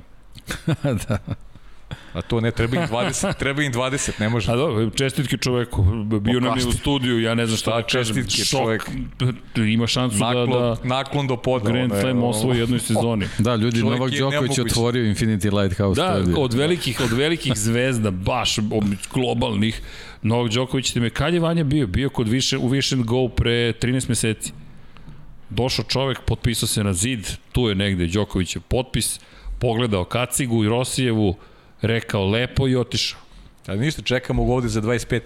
za 25. pa da. Ali eto, da, eto je dobro pitanje kako će sad u Formuli 1 ovo da se zove. Ne znam. Ali da, I me, opet se menja stvar. Ok, ne možemo da izađemo Mnogo nikako promena, iz mnogo promena. trke. Ne trebamo da I ne izlazimo, trebamo pa nema da veze, to je, Pa- to je pa- poenta, pa to nas pričamo čeka, šta? To, To to, je, to je glavna priča. Šta, šta, šta da radimo? Uz novu Da. Formulu 1, to je to, ali pogo- pogotovo, pogotovo što je Pa plan ovo, da se ponovi u Monci, Nova Formula 1 nas ono, čeka nas. ali ljudi, mi nas ovo čekaju Monci. Monci, tako je, tako je. Mi, mi na kraljici brzine ćemo imati istu ovu situaciju. Da, pa i Monca nije tako daleko, početak septembra. Naprotiv, to je tu, iza ćoška. Vrlo brzo stiže. I, i, Dobro, ali tad ćemo ući već sa nekim onako preznakama, šta, znaš, predznanjem nekim i preznakama šta, šta, nas, šta je to, znaš, da li to ima perspektivu ili nema. Vidjet ćemo kako će, kako će da nam deluje kad, kad budemo se onako zvanično uverili u potencijale cele priče. Ma, iskreno, to, Neka, neka zanimljivost treba u smislu, recimo, prošlogodišnje velike, velike nagrade Italije i Gaslijeve pobede, sad da li je ovo to, ne znam, vidim. Kaže, već spominješ meni, Alfa meni, Tauri. Meni, meni priča, meni, znaš šta meni najviše smete? Meni najviše smete upravo ono, meni se tako, de, meni se tako čini. Da, da, da opet još više favorizuje i onako kvalitetne timove koji su, mislim na Mercedes i Red Bull. Da su njihovi potencijali tu mnogo veći da naprave razliku u odnosu na, na, na timove te srednje takozvane kategorije. Znaš. Pošto je Ross Brown ovaj, prilično umešao prste u, u, u čitavu ovaj, ovu kombinaciju, pošto on ume da favorizuje favorizovane timove, ovaj, da. može da bude da, da ima nečeg u tome. Mada meni Alfa Tauri u pored McLarena, Ferrari, Alfa Tauri i Gasly deluju kada bi ovo moglo da, bi, da bude baš trka za njih. Pa može da bude, ovo pričali smo, taj. može da bude uz malo eto rizičniju naš strategiju. Sigurno će pokušati neko sa rizičnim strategijama. To to ne nemam dilemu oko toga i i to možda nam priušti zabavu jer jer ne znamo kako to izgleda u stvari. 17 krugova, lepo ste rekli oboj, 17 krugova je baš kritičnih onako, 17 krugova da, da gume izdrže, na kojim gumama će voziti, znaš, postoji, ima, ima priča, svakako da ima priča, ali ajde, vidjet ćemo. Polemišemo sada samo, a A samo čekamo. Čekamo u suštini. Čekamo. Činjenica da zbog Silverstona šansi imaju ekipe koje su brze, koji imaju brz automobil. Yes. Jel tu to spada, je... da li tu spada i Aston Martin? E, to, to nam nisu baš da. pokazali toliko. Nisu. Nije da. 100% sigurno, da. ali ne bi bilo ni iznenađenje. Dobro, očekivanja možda od Williamsa? Pa ne znam, teško. ne, teško. Teško. To, ovo nije, nije ovo staza za, za njih. Pa ovdje teško. Čak ni uz magiju Đorđa ne, na osnovu Red Bull ringa. Pa teško, ja, pa, ja ne verujem. 17 krugova je mnogo. Mnogo. Pa upravo. Posebno ako bude čisto sve. Pa to je on ne, nekim tip, kažem ti, malim timovima ne, ne, ne pogoduju ovo. Mali, mislim, Williams je gigant, ali, ali su trenutno imaju onako problem da uhvate priključak sa tim timovima srednje Da, imaš, imaš šansu da, da prođeš Q2, da prođeš Q3, da imaš neku dobru startnu poziciju, ovde možda gubiš i to. Pa da, ali... Sa ovih 17 krugova. Ali da. nemaju tempo, nemaju da, tempo da, za da. trku. Da. I da. mogu samo ja, čak George Russell će u kvalifikaciji možda proći pa, u Q3, to kažem, a izgubit će to u, u, u, u trci, u sprint trci. Tako je. E, zato kažem, Ferrari, Ferrari mislim da može da napravi. Da, taj neki srednji dom, Ferrari, McLaren, srđan što je rekao, Alfa Tauri, jest, ali jest. to je već šest automobila, to je već sasvim ok i da donese zanimljivost. Jeste, jeste. To je to. to ako, da. ako odvojimo Mercedes i Red Bull napred. Da. Tako da... A može da mali, bude u tom smislu mali će pokušati da, da. to, verujem, sa, da. sa stajanjem, sa promenom guma, da budu brzi u finišu, da tu nešto Da, to što kažeš, što mislim, je. ne znam, Latifi je 17. pa je 17. sad. Pa da. Karikiramo ja, onako na pamet, ali ne gubi ništa što tri puta možda menja gume. Tako je, bukvalno, bukvalno može. Posebno što to ne utiče posle ništa na, na, na trku, osim što je to gubi malo setove, ali dobro. Jeste. Bitno je dva da sačuva za, za, za trku. Da I to je to. I inače kada spominješ Latifija, da. sve se više priča i konkretnije o tome da neće biti zadržan naredne sezone, to je da da pa, pa s ovim promenama budžeta, ono što sam i pričao i ranih podcasta, novac njegovog oca možda više nije potreban Williamsu, mm. vidimo da su Volkswagen i Porsche aktivno učestvovali u razgovorima o budućnosti pogonskih jedinica u Formuli 1 i verujem da zbog Jost Kapita postoji neka veza da da oni baš budu zainteresovani to generalno kao Volkswagen grupa da da se da se pojavi u čitoj priči oko Williamsa tako da ako ako se gigant poput tih nemačkih proizvođača pojavi novac Latifijevo oca tu stvarno ne mora da igra nikakvu ulogu. Bukvalno. I kada pričamo o, o ugovorima, svesni ste da smo tek posle skoro celog sata, to je celog sata došli uopšte do priče o ugovorima, a manje više svaki podcast je bio obeležen pričom o Georgeu Russellu i Valteriju Bottasu i ko će ići u Mercedes i da li će ići.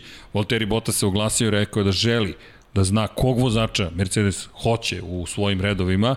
Međutim, iz Finske stižu informacije da da je već sve završeno, makar je to mišljenje njegovih da kažem, sunarodnika i najnovije vesti zaista govore sve više u prilog tome, iako George Russell je rekao da to nije istina, mada bio je na Instagramu vredan, pa je opro Mercedes rekao o stvarima koje su važne morate da vodite računa, pa to protumačeno da zapravo je poruka vrlo jasna, ali se oglasio Tony Villander na, na MTV i rekao da jednostavno smatra da je sve završeno. A Bottas je rekao da ne želi da ostane naravno bez tog ugovora, ali i takođe da postoji mogućnost da će preći u reli i da će se baviti relijem, što nekako više zvuči finski. Prosto da. Valtteri je brz vozač, to svakako, samo prosto u situaciji da, eto, da, da je već pa dobro, on se oprobao već, vozio je reli, reli od sledeće godine isto ima hibridni pogon to je skroz ok priča, ne, ne, ne, ne zvuči kao neka degradacija, jedno što onako malo sa Mercedesa da, da pređeš u VRC, to je onako malo, malo čudna priča, a negde sam pročitao da postoje ovaj, razna razmišljanja u Finskoj da je Valtteri Bottas taj koji će da zameni Kimi Rekonen Alfa Romeo posebno posle ovog produženja ugovora Alfi gde, gde je potreban jedan solidan i konstantan vozač. Tako da i to kad sam pročitao u trenutku sam se nasmeo, posle onda kažeš hej čekaj ako postoji neka finska veza zašto je Kimi uopšte u čitoj priči sa, sa Alfom zašto da ne? Ako, ako on odluči da, da on ode u reli. Pošto generalno Ponovo. će neki finac završiti Ponovo. u reliju. Da, da, tako da. Meni baš ne, onako, da. ne dule mi to baš da. realno. Mislim, nije mi baš prihvatljivo, ali ajde. Valtteri Bottas u Alfi. Pa pazi, spomenje se da će ići ponovo u Williams. Da će se vratiti kući manje više odatle gde tu je potekao, Williams mu je dao prvi ugovor. Znaš kako, pa, generalno, meni... generalno u ovoj situaciji kako je, bolje je da proba da odu ekipu koja ima ambicije da se, da se razvije, da se ponovo podigne, da kažem. bi pokazao svoj kvalitet. Vi, Alfa Williams... Romeo i Williams liče na to, jer ne bi Alfa Romeo sad potpisivao taj ugovor tek tako o, da, o tom produžetku, jest, jest. čisto da bi sad, ne znam, reklamirao svoje automobile. Znači, verovatno postoji neka strategija, ovaj, tako da zato mi je to onako zazvučalo kao ok, može da se uzme Ali u razmatranje. Realnije mi deluje Bottas, realnije, Bottas da, Williams da. nego Ako se napravi, se, da se napravi ta rokada, to je onda okej. Okay. Ne, i to je velika vest. Nismo joj dali da. dovoljno pažnje, ali Alfa Romeo to što je produžilo ugovor je velika, Jeste. velika stvar. Kako nije, kako Znali nije. smo da Zauber ostaje do kraja 2025. ali smo čekali priču o Alfa Romeo zašto? Pa to je Zauber i dalje. Ekipa je iz Hinvila i dalje u celoj priči stoji da je zapravo Alfa Romeo ušla iz marketinških, marketinških svrhe praktično da, da, ok, deki, vidim da je u toku su neke aktivnosti iza kulica, možete da nazrate dekive ruke u, u, u ovom kadru, ali pokušajte da ignorišete taj moment, spremaju iznenađenje, ali zapravo da, evo, Tigar je stigao, ili Leone, mnogo ima sad onih čuvenih podsjetnika na 13. ili 14. jul 1991. kada je Nigel Mansell, čuveni Love, evo je ovde knjiga, povezao Ayrtona Senu kada po završetku trke, Sena koji je ostao bez goriva pred kraj trke i sa treće pao na četvrtu poziciju, Mansell ga je povezao i dobili smo jedan od onih čuvenih slika iz Formule 1, ovde Deki pravi novu sliku iz čuvenu, ali da se vrati na Alfa Romeo, dosta se pričalo o tome da Alfa Romeo odsutna bila 50 godina manje više, Alfa Romeo koja je pripala i prva pobjeda, prvi šampion je bio Alfa, drugi šampion je bio Alfa Romeo, bogata istorija 50-ih, to je nekako nestalo. Alfa Romeo kada se vratilo u Zauber, delovalo je pa lepljenje značke na, na, na, na švajcarski tim i neka veza sa Ferrarijem koja je ostvarena 2010. Da. godine u Zauberu, međutim Simone Resta je otišao na, na cijelu jednu godinu u Zauber, to su sad ozbiljne stvari, to je to Alfa Romeo, Ferrari je vrlo posvećen tome, Alfa Romeo je rekla ostajemo i smatra da je za njen razvoj zapravo i robne marke i Alfa Romeo kao, kao ideje veoma važno da bude u Formuli 1 i da planovi nisu tek tako da tu budu povremeno među osvajačima poena. Frederik Vaster znamo da je veoma ambiciozan čovek, tako da uz ove promene za 2022. držimo palčeve. Opet postavlja se pitanje koje si ti postavio na prethodnom podcastu sa Kimijem, da ti Kimi ne liči na Kimija iz prethodnih godina, što opet ima veze sa onim deki što si ti spomenuo. Đovinaci mislim da opravda poverenje u potpunosti. Antonio ja verujem da će Đovinaci dostane da ovaj, sigurno. I kao vozač, da, da, i kao sigurno. veza sa Ferrarijem. Tako je, tako je, da, da se tu nešto neće menjati, a Kimi meni deluje da to polako ide u smeru njegovog odlaska. Tako mi makar izgleda ovako sa strane, pratići celu karijeru, neko ko je onako i iskreno i fan Kimi Rekonena bio od momenta kad se pojavio, neko mi deluje, aj tako da kažem, najmanje zainteresovan za, za, da. za ono što se dešava. Pa evo danas ova, ova, ova promocija nove generacije bolida, ja koliko sam primetio, njegovu izjavu nisam nigde čuo. Pa, da. Nikoga bukvalno nije ni pitao šta misli o nove generacije mm. automobila. Pa, na zvaničnoj konferenciji. Pa verovatno bi odgovor bio, ne znam, dok ne Da, vozi. Pa, pa nema veze, ali... Pa to, ali, ali to ali utiče na okej, celu sliku. da. Pa evo ti, da. evo ti cela zajednica, da. evo ti šta smo imali, šta smo imali u Austriji. Gde ljudi glasaju Samo da, da za Kimija da je vozeš danas samo da bi ga čuli negde. Znaš, Da ne- Da, e, ljudi, ajmo da glasamo ovaj Da. sad. Za... Ajmo da- ajmo da glasamo Evo, za poziv cijeloj zajednici Lab 76, glasamo svi za Kimi Raikonena kao najboljeg vozača. Od ove sezone najbolji vozač, to je najzvanično, ajde, najpopularniji vozač u trci, da budemo precizni, f1.com cross vote na kraju trke, dobije intervju po završetku trke, uključe se naše kolege sa Sky News iz Yes. Velike Britanije i pitaju tog koji je bio proglašen za najboljeg vozača, ne za njegovo mišljenje. I sad svi želimo da čujemo Kimijevo mišljenje o celoj toj priči. Tako da eto, ajde da budemo Glasamo deo svi- globalne glasamo priče, svi za glasamo svi za Kimija Raikonena, pa dok ne pobedi Kimi Raikkonen i dok ne dođemo do toga da, da ga čujemo zaista. A ja se iskreno nadam da ćemo do kraja godine imati i, i onako realnog razloga da da glasamo za Kimija, da će nam isporučiti nešto što se zove dobra trka, jer to se odavno nije dogodilo. Pazi, kvalifikacije su posebno problematične za Kimija. Možda mu sprint trka pomogne. Evo sad mi pada na pamet. Loše u kvalifikacijama, bolje u trkama. Ako u trci kvalifikacijonoj, to je sprint kvalifikacijama, uf, pita, pitao je čovjek malo pre, koja je razlika između sprint trke i sprint kvalifikacije? Nema je osim u nazivu, pa sad ni mi ne znamo. Možda treba da zovemo sprint. sprint kvalifikaciona trka. Pa da, ali Ne, ne, upravo je Deki. Sprint kvalifikacije. Sprint, sprint trku treba da zovemo da, kvalifikacije. da se ljudi ne bi zbunjivali. Da, kvalifikacije Poenta je da pobednik te trke startuje sa pol pozicije, Tako to je ključna stvar. je. Ali, ali ljudi, Da. to je i trka, daj, do, dobijate poene za to. Pa Pa da, jeste, samo ali trojice, samo trojice dobije poen. to je, to je ono što je zbunjujuće. Dobro. Samo Sprint, trojica dobiju nešto poen. će se desiti u subotu, ali bit će sprint u svakom slučaju. I ukoliko Kimi bude, na primjer, 11 ili 12 u toj trci, a nije nemoguće, onda u glavnoj trci možda postoji šansa za nekim pristojnim plasmanom. Ne verujem, Alfa, Pa da, ali poenta da u glavnoj trci svako može da bira gume Tako za je. start, više Da. nemaš, nemaš ni tu Nemaš prednost te ni 11. prednost toga, da. pozicije. nemaš, nemaš. Da, da probaš 2-3 da nadoknadiš tokom trke ili, ili tokom odlaska u boks, tako da ne znam. Ma kažem, čitava ta priča oko Alfa Romeo postaje ozbiljnija, jer tu ne smemo da zaboravimo, Alfa Romeo je postala deo, deo Stellantis grupe. To je automobilski konglomerat Jeste. Jest. koji se spojio Fiat, Chrysler i P- PSA grupac iz Francuske su se spojili, to je konglomerat sa, sa 300.000 zaposlenih i sigurno oni imaju neku viziju ovaj, svog, svog razvoja i svog predstavljanja, bukvalno nevezano od Ferrarija, Tako da ovaj možemo da vidimo gde će to da, da, da vode u budućnosti i, i uopšte ne mora da znači da po isteku te priče sa Alfa Romeo neki drugi brend vidimo u, u, u, Formuli. 1, možda slično na način kao što je Renault predstavio Alpinu i, i, i tako, gde, gde je u stvari priča o nekom drugom automobilskom kom- konglomeratu. Znači sad tu već dolazimo u neku drugu marketinšku borbu i to je ono uh, kako to u stvari trebamo da gledamo i da možda na taj način razmišljamo koji će se vozači pojaviti u toj priči. Da, ima to, e, i sad je to, to je vrlo zanimljivo. Callum Aylot je neko ko se dosta spominje, Robert Schwartzman se na, spominje takođe, pored Schwartzmana, Guang Yu Zhou takođe. Jedino što mi je dobro u čitavoj priči, ako tako bude, je da više a, novac sponzorski koji vozači donose sa sobom neće igrati presudnu ulogu za njihovu poziciju u ekipi, već Pa, u, to je u većoj meri njihov talent i ono što su pokazali u nižim prednost kategorijama. ograničenja budžeta. Tako je. I tako ti, je. ko, sad, jer, Ako je nešto prednost, to je to. to je to, jer sad gde je ironija? Budžet nije ograničen za plaćanje vozača. Ali ako nam tvoj novac nije potreban, dopunimo budžet, osim da platimo vozača, a ti si taj koji plaća da vozi, pa nama nije taj novac ni ne treba, ti nam više nisi potreban. I A samim to je tim- sad neka situacija koju imamo samo u vodećim timovima.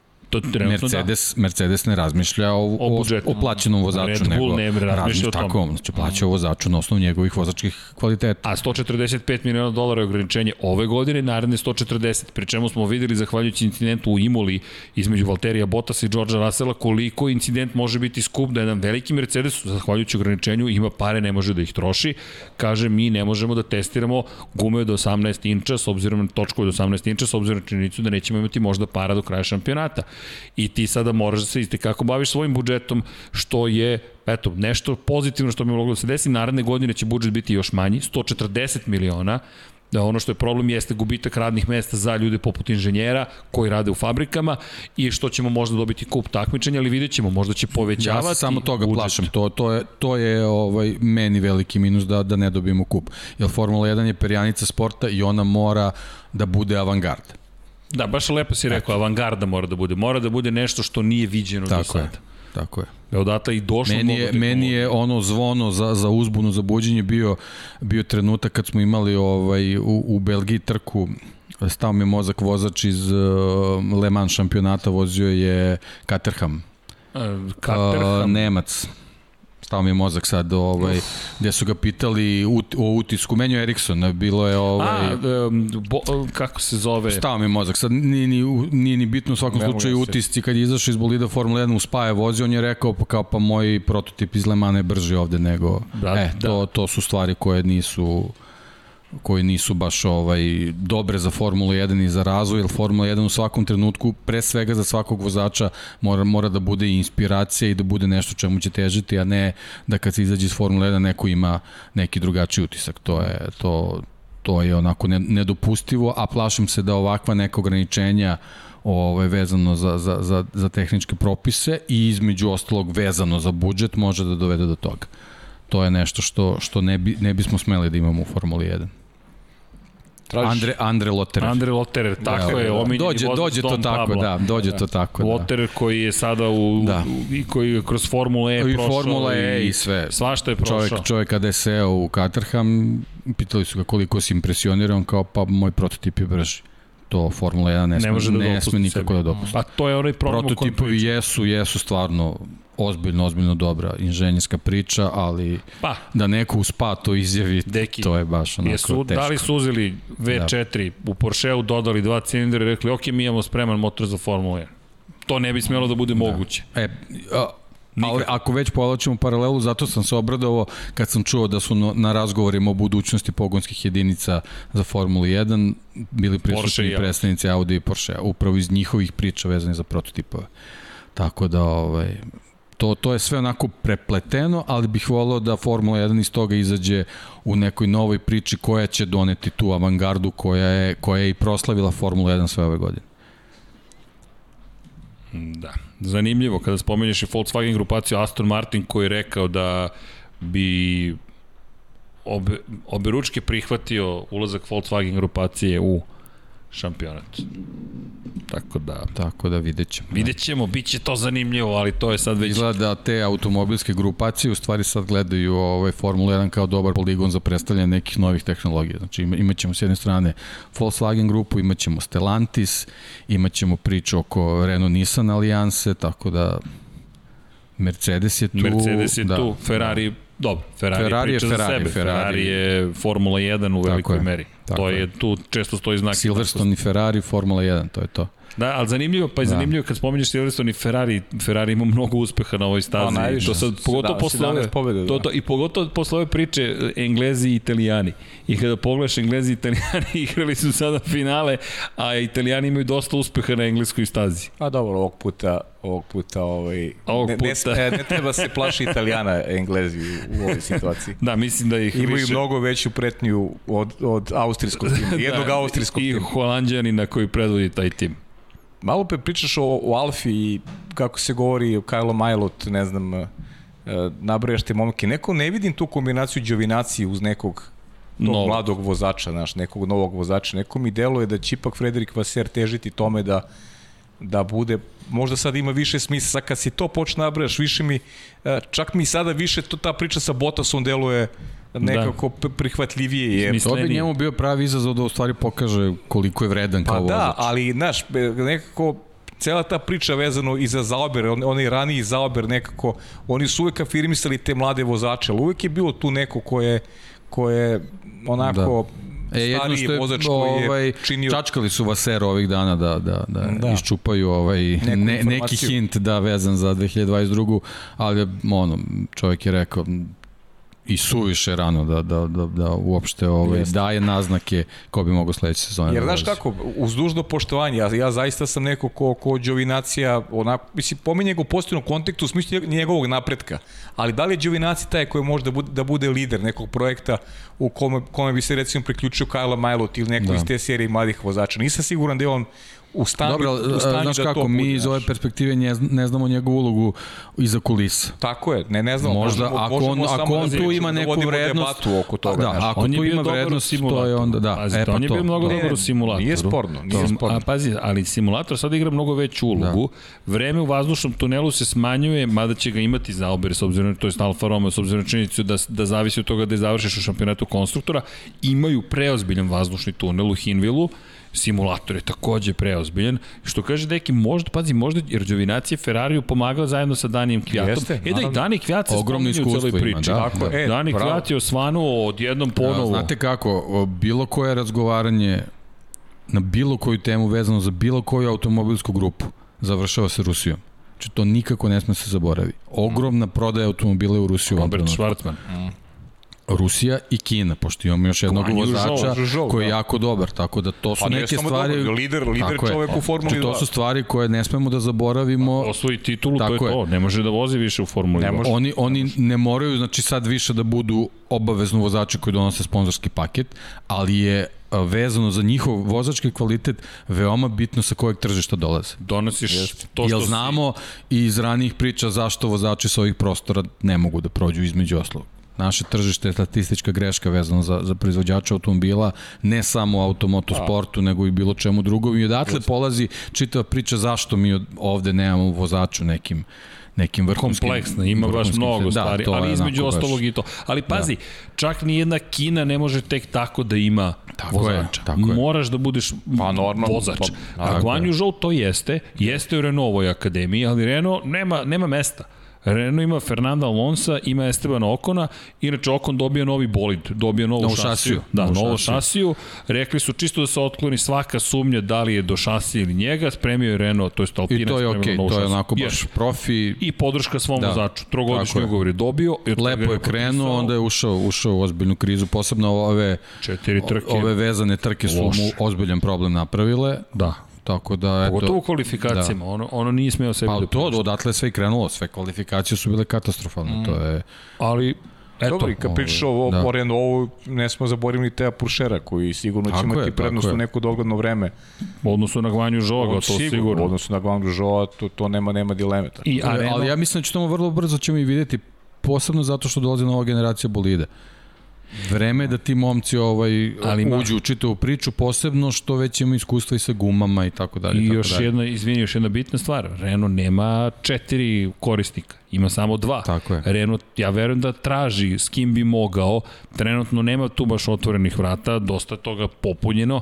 Jedini koji je negde osnovno bio do, delovao otvorenije je bio Williams, s obzirom na činjenicu da je tu postojala istorija da, da Mercedes ima novo, novog partnera velikog, McLaren je sada glavno Jest. ime kod Mercedesa, imaš Aston Martin u, u, u ekipi si u kojoj si Pa i nemaš suvlasnik. mogućnost, praktično, nemaš mogućnost da, Williams da se četvrti proširiš. tim. Da. Da. A pritom, kad pričamo o potencijalu tih momaka iz akademije u njihovom ulasku u, u Alpinu, eh, Esteban Okon je maltene zatvorio mnogima vrata sa tim trogodišnjim Da. da. ugovorom. Znaš, to, je, to je nešto što pravi, eh, a vidimo da Alonso pokazuje da, Znake, pa, mislim, no, napretka. A, a, a, ozbiljnih ambicija i on priča o 2022. 2023. 2024. On, on, ima pogled u napred kao da je na početku karijere, što je, što je pozitivno zaista. Mislim, I to- vozi dobro. vozi dobro, ne može se, ne može se reći da... Pa da, znaš da, kako, ovaj, uh, ovaj, uh, kako to sad da složim, nova generacija automobila se usmerava ka nečemu što, na što je Fernando Alonso navikao. I on u sledeće sezone možda može samo da ima plus. On se sad bukvalno utrenirao da se vrati Pa jeste, u dimenziju zvanu Formulu 1, a sledeća sezona je u stvari ta gde on dobija automobile s kojima je e, koji su mnogo, mnogo sličniji kroz njegov ovaj, uzlet u karijeri. Tako i nadovezu bih se na tebe, čak i da vozi loše ove godine, uopšte nema dilema oko toga da bismo ga gledali 2022. Upravo zbog Tako toga što si naveo, tako da e, tu su vrata zatvorena jer e, ima mnogo talentovnih momaka, međutim prosto nema prostora nema prostora za njih da, da, da, da, dobiju, da dobiju adekvatnu šansu. I tu Alfa Tauri i Williams mogu da, da budu možda najpoželjnije mete za, za, za momke koji, koji traže afirmaciju. Jer realno začekivati da, da taj uzlet postoji kada je u pitanju napredak bolida, nečeg što se zove sportska forma i tako dalje, je da, da, da dobiješ tu priliku Williamsu i, i, i, i Alfa Tauri. Tako da, mesto Ali Williams i ovo što smo, što smo otvorili, i. Alfa Romeo se pojavljaju u priči. Alfa Romeo, da. Da. Alfa, Alfa Romeo, to Williams. ste kažem, Da, Alfa da, Romeo. da, da, Williams, da. Alfa Romeo, da. Da, da, da. Šta sam rekao, Alfa Tauri? Alfa Tauri, da. Alfa Romeo, misli sam Alfa Romeo, rekao sam Alfa Tauri. I ima još jedna stvar, još ako bi, koliko bi Haas profunkcionisao. Da, mislim da to ne može se dogoditi. Pa mislim da se čekamo vreme. prodaju zapravo. Ma, to je, mislim, jedina opcija. To... Ili neko Oni su čudo za, u ovde, 2022. Gene Haas je zakasnio sa prodajom. Ali vidi, pa evo, možda 2022. nešto učini od svega ovoga. Možda. Ja bih voleo zaista, ali sumnjam u to. Možda grešim, ali, ali Oni ne pokazuju neke napretka, na, naprotiv, oni, oni, oni su iz godine u godinu sve gori i gori. Jeli, znaš, ironija je ovaj bolid na kraju koliko god ga ne razvijali, na kraju to deluje još i Na- Znaš šta je, polupristojno. jedino, šta je pozitiva cele priče? Ako ima neke pozitive. Što u posljednje vreme oba vozača završavaju trke. Znaš, to je jedina pozitiva u celoj priči. Oni završavaju trke. Eto, ako možemo da, da nađemo neku pozitivu, Da, imaju kilometre. imaju kilometre. E, to je nešto što, što može da eventualno pomogne, ali, ali stvarno izgledaju onako kao, kao, kao kad gledamo Porsche pa oni u Pro-M Pa da, kao neka znaš. drugorazredna ekipa, mislim, to je onako u istoj si kategoriji, ali, ali si prilično daleko. Jeste. Jer jednostavno to je ono što u stvari Formula 1 i jeste, konstantan razvoj, non stop moraš, da- evo, evo šta se dešava s Mercedesom, nema, nema stajanja, nema pauze, konstantan Nema. razvoj je jedino što je moguće da opstaneš u tom svetu. A kamoli da zamrzneš razvoj na, na čitavu sezonu, toga nema ništa. Nedostajala mi je formula, nedostajali ste mi vas dvojice, samo konstatujem. Pazi, prošle su samo manje od dve nedelje, kao neki novi svet, ali dobro, mnogo toga se izdogađalo. 15. jul, 16. jul, stiže igrica, stiže sprint trka, to je sprint kvalifikacije, stiže novi bolid, svašta se nešto događa. Ok, vidjet ćemo ba, i testirat ćemo novu igricu. To moram, deki, ali to moramo da sednemo, pa bi mogao da komentariše taj test. Ja mislim da bi to bilo krajnje Može, okej, profesionalno. da, dogovoreno, da. Dobro, da se, da se Neću uvozamo da, malo neću pa da, da navijem krenemo. ni Da. za koga, obećam. Čekaj, kako ćemo da vozimo? U Na vreme? smislu? Pa ne znam, ajde vidjet ćemo, dogovorit ćemo se da samo sednemo malo prvo Ghost. da se, da se uvozamo, pa Ghost. ćemo da imamo, može. Jao, Ghost, pa kao može, Norris i Verstappen. Može, može. Kako je Deki za 48.000 delova sekunde osvojio pol poziciju? Znaš kako sam prihvatio već sada Ajde, ajde, ajde. ko je da. favorit u celoj priči. Deki, a? De, pff, znaš kako ih. Na, a, pa Palčevi. Pa. Ne, ne, ja sam hendike, pošto ja imam ovaj, na joysticku sam, znači nisam kao jasovi što voze na, na volanu. Na. E, I si osti prozivku. Ali dobro, to je samo, proveva samo, ovaj ovaj, samo stvar pripreme. Volim, Malo da se uhodamo i vidjet ćemo. Voli taj sarkazam, znaš. Ali blagi. Pa ne, ne, uvek kad proveva onako Nežan je, lepo. da, pa da, da, da, da. Proveva lepo, znaš, Maestral. bez ono, bez mnogo buke, Mistral. nego onako lagano. Ali dobro. Da se mi vratimo velikoj nagradi Velike Britanije koja je pred nama. Da, kada pogledamo ima tu i, i, bit će još zaista nekoliko, ne nekoliko, mnogo zanimljivih momenta. Jedva čekam da, da sve počne. Kao što je pa rekao, Formulu 2 ćemo takođe ispratiti. U Formuli 2 nastavak bitke za titulu šampiona, u Formuli W takođe. Ispratite Formulu W, dame na, na stazi jeste Jamie Chadwick bila dominantna u drugoj trci, ali opet postoji tu šansa, mada idemo na njen teren, da, da bude neizvesnije i kada je reč o Formuli 2, pa prosto to je, to je glavni šampionat kada govorimo o onome što, što je budućnost. Da, i sigurno Formule jako zanimljive trke u Silverstone. 100%, pri čemu Uvek tri su trke. bile zanimljive, pa da, da. Dve, dve sprint, da. jedna glavna, Guan Yu Zhou brani prvo mesto, Oskar Pjastri konstantan, Pjastri, ljudi, opet je odličan, na samo 5 pojena za ostatka, momak je na poziciji broj 2 i ako se ovako nastavi, Australijanac bi mogao da osvoji titulu, a Oskar Pjastri, ljudi, to je, mi pričamo sada već o o čemu pričamo? Pričamo o Charlesu Leclercu i o Georgeu Russellu. To su ljudi koji su, hvala najlepše, da. Ne, nema na čemu. hidra, hidratacija. Pa dobro, moraš malo, znaš. U svakom slučaju, Formula 3 pripala prošle godine Pjastriju, ove godine ima šansu da mu pripadne Formula Da. 2, samim tim ne može više da bude u Formuli 2, osvajač titule za one koji ne znaju mora da napusti šampionat, ko je poslednji to učinio George Russell, ko je pre njega to učinio Charles Leclerc. Tako je. I to je, ukoliko bi Pjastri to postigo, ljudi, mi sada pričamo o, o, o nekome ko menja potpunosti pregovore za u narednih par sezona. Ne možeš da ignorišeš tog momka. Ne možeš da ignorišeš. Pa znam, ali vraćamo se opet na, na, na, na, Na tu Alfa, priču. Romeo Pa da, i Williams. Znaš, nema mesta. pa Pa Williams. dobro, test vozač. Test, Test da, vozač, test to je vozač. to. I ima jedan, pričamo stalno, ima jedan koji nije, nije uradio ništa ako je bio šampion Formula 2. Jeste. Dobro, on, Nije, on nije nužno, postaje izuzetak. Da, nije nužno da, da ćeš dobiti šansu automatski po osvajanju titule. Da. I jedini problem inače za Formulu 2 to što su pauze, ono što smo rekli, ogromne prethodna trka bilo je Baku, sad stižemo u Silvestru, nemo predstavu Ja mislim da je koju Kalo. Majlot napravio grešku što nije vozio ove godine Formulu 2. Tako ja vidim stvari, ne znam. Mislim da je trebao da ostane da vozi Formulu 2. Bio je vice šampion, vozio je dobro. Ne znam zašto nije ostao u toj konkurenciji i ove godine, Dobio je par izleta u Alfi. Da, mislim, Dobio je par izleta u Alfi, vidjet ćemo. Ok. Inače, tamo je uzbudljivo. Juri Vips, ti si tipovao na Juri Vipsa, odličan u prethodne dve trke, dve pobjede i pri čemu osmi bio Vips, kada pogledaš, tačno ono što si negdje najavio, Estonac, baš i brz. Viš kako, ko- koliko treba sreće, koliko treba sreće generalno u sportu. Setimo se prošle godine Galeali o- ima onaj onaj problem, onaj incident e, kad je zbog vrata nije mogao da vozi, ozbiljne povrede vrata, nije mogao da vozi za Dams, vratili su ponovo Jurija Vipsa, Jurij Vips koji uopšte nije vozio prošle godine Formulu 2, on je dečko za, za nekih 4-5 trka, donao ekipi podijum, odradio je 7 posao ove godine, ove godine ne bi me čuo da bude i šampion, iskreno. Jer, jer on jeste kalibar za, za, za, za šampion. S- Sjajan vozač. Trenutno je četvrti. Sjajan Ima vozač. 15 pojena za ostatka, što u Formuli 2 Ma, to je nadoknadivo. U ovom, u ovom sistemu da imaš tri trke tokom vikenda. A ovo, je, ovo će biti kraj prve polovine sezone. E, ali, ali sad dolazimo na onaj teren ko mi Deki priča, možda u ovom momentu nužno novac ne igra ključnu ulogu, ali ti opet treba da imaš neku podršku. Moraš, da. Estonija, Da, da. Estonija, pričamo o Estoniji. Da. Znaš, to je Protiv malo, Kine, malo tržište, Rusije. ne malo, Da, ali, ali, premalo ali, tržište. ali dobra petrolijska industrija, sve- u autosportu su strava, imaju, imaju odlične VRC vozače. ali u da, odnosu na, da, odnosu na momke kojima smo pričali, koji, To jeste, to, to jeste. jako mu je teško čak i uz šampionsku Da. da. titulu da se probije pored momaka kao što su Wang Zhuzhou, kao što je E, Nemojte zaboraviti Džehana Daruvalu. Jedina Dže- indijska nada. Azit, Jackon Daruvala, znači ima tu mnogo momaka. Da ne pričamo o nadolazećem talasu australijskih vozača koji su, koji su fenomenalni. I tu. Fenomenalni, ima novo zapad. Mislim, znaš, to su sve ogromna tržišta.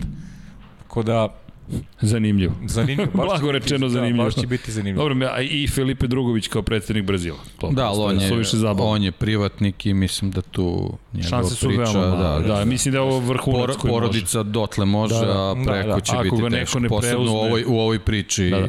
Pa, Da. Slažem se, možda da. ga to što iz Brazila, Pa da, ali tamo je situacija malo, malo nezgodna. da tamo je baš Jedino što, eto, situacija. ajde, kao posle mase malo ta suša bila, pa eto možda uspe da, da iz Petrobrasa se nešto iz, iz, iskopa, ali tamo je baš, baš teško finansijski. Da, pa država generalno da. Da. nije uopšte u dobroj situaciji. Mm. I generalno da. i COVID i političke previranje, svašta se Jeste, događa. jeste. A kad se pogleda njegov bolid i kombinezon, tu nema nikakve trenutne Samo podrške, a zaslužuje. tata. Da, da, Samo da, tata. da ima mogućnosti, sigurno bi već, već se boje promenile, ali... A nije kao da, Latifi jak ili ne, Ne, ne, ne. kao Stroll. Da. To nisu prosto Ne, ne, to na nije, tom nije nivou. ta priča. Misliš, da. vozački nije jak? ili- Apsolutno. Da.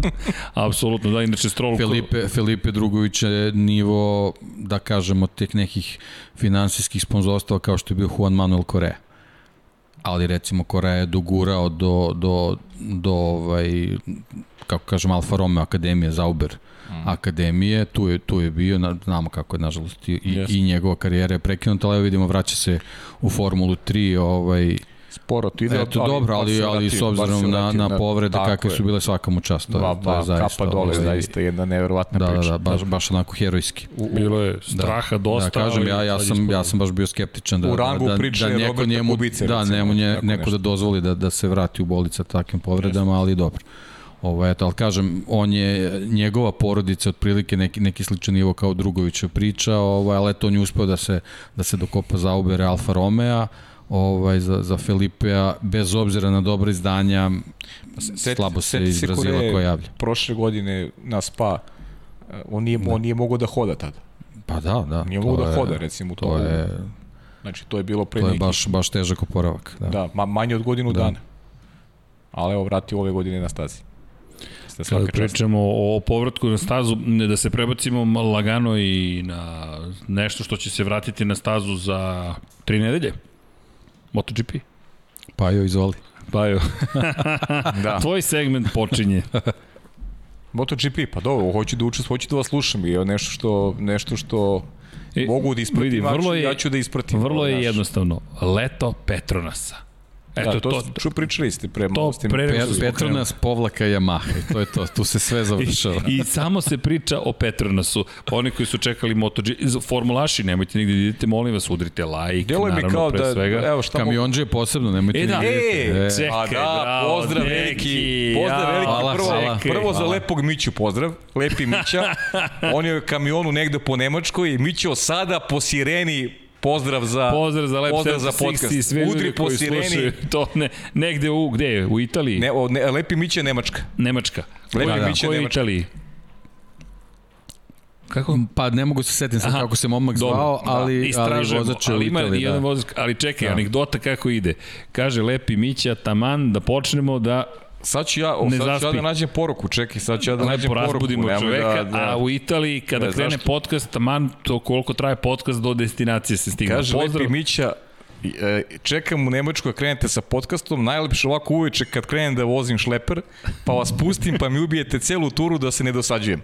Živi bili ili ćao svima. e pa, ćao lepi Mićo. ćao lepo Mići, sjajna ćao, poruka.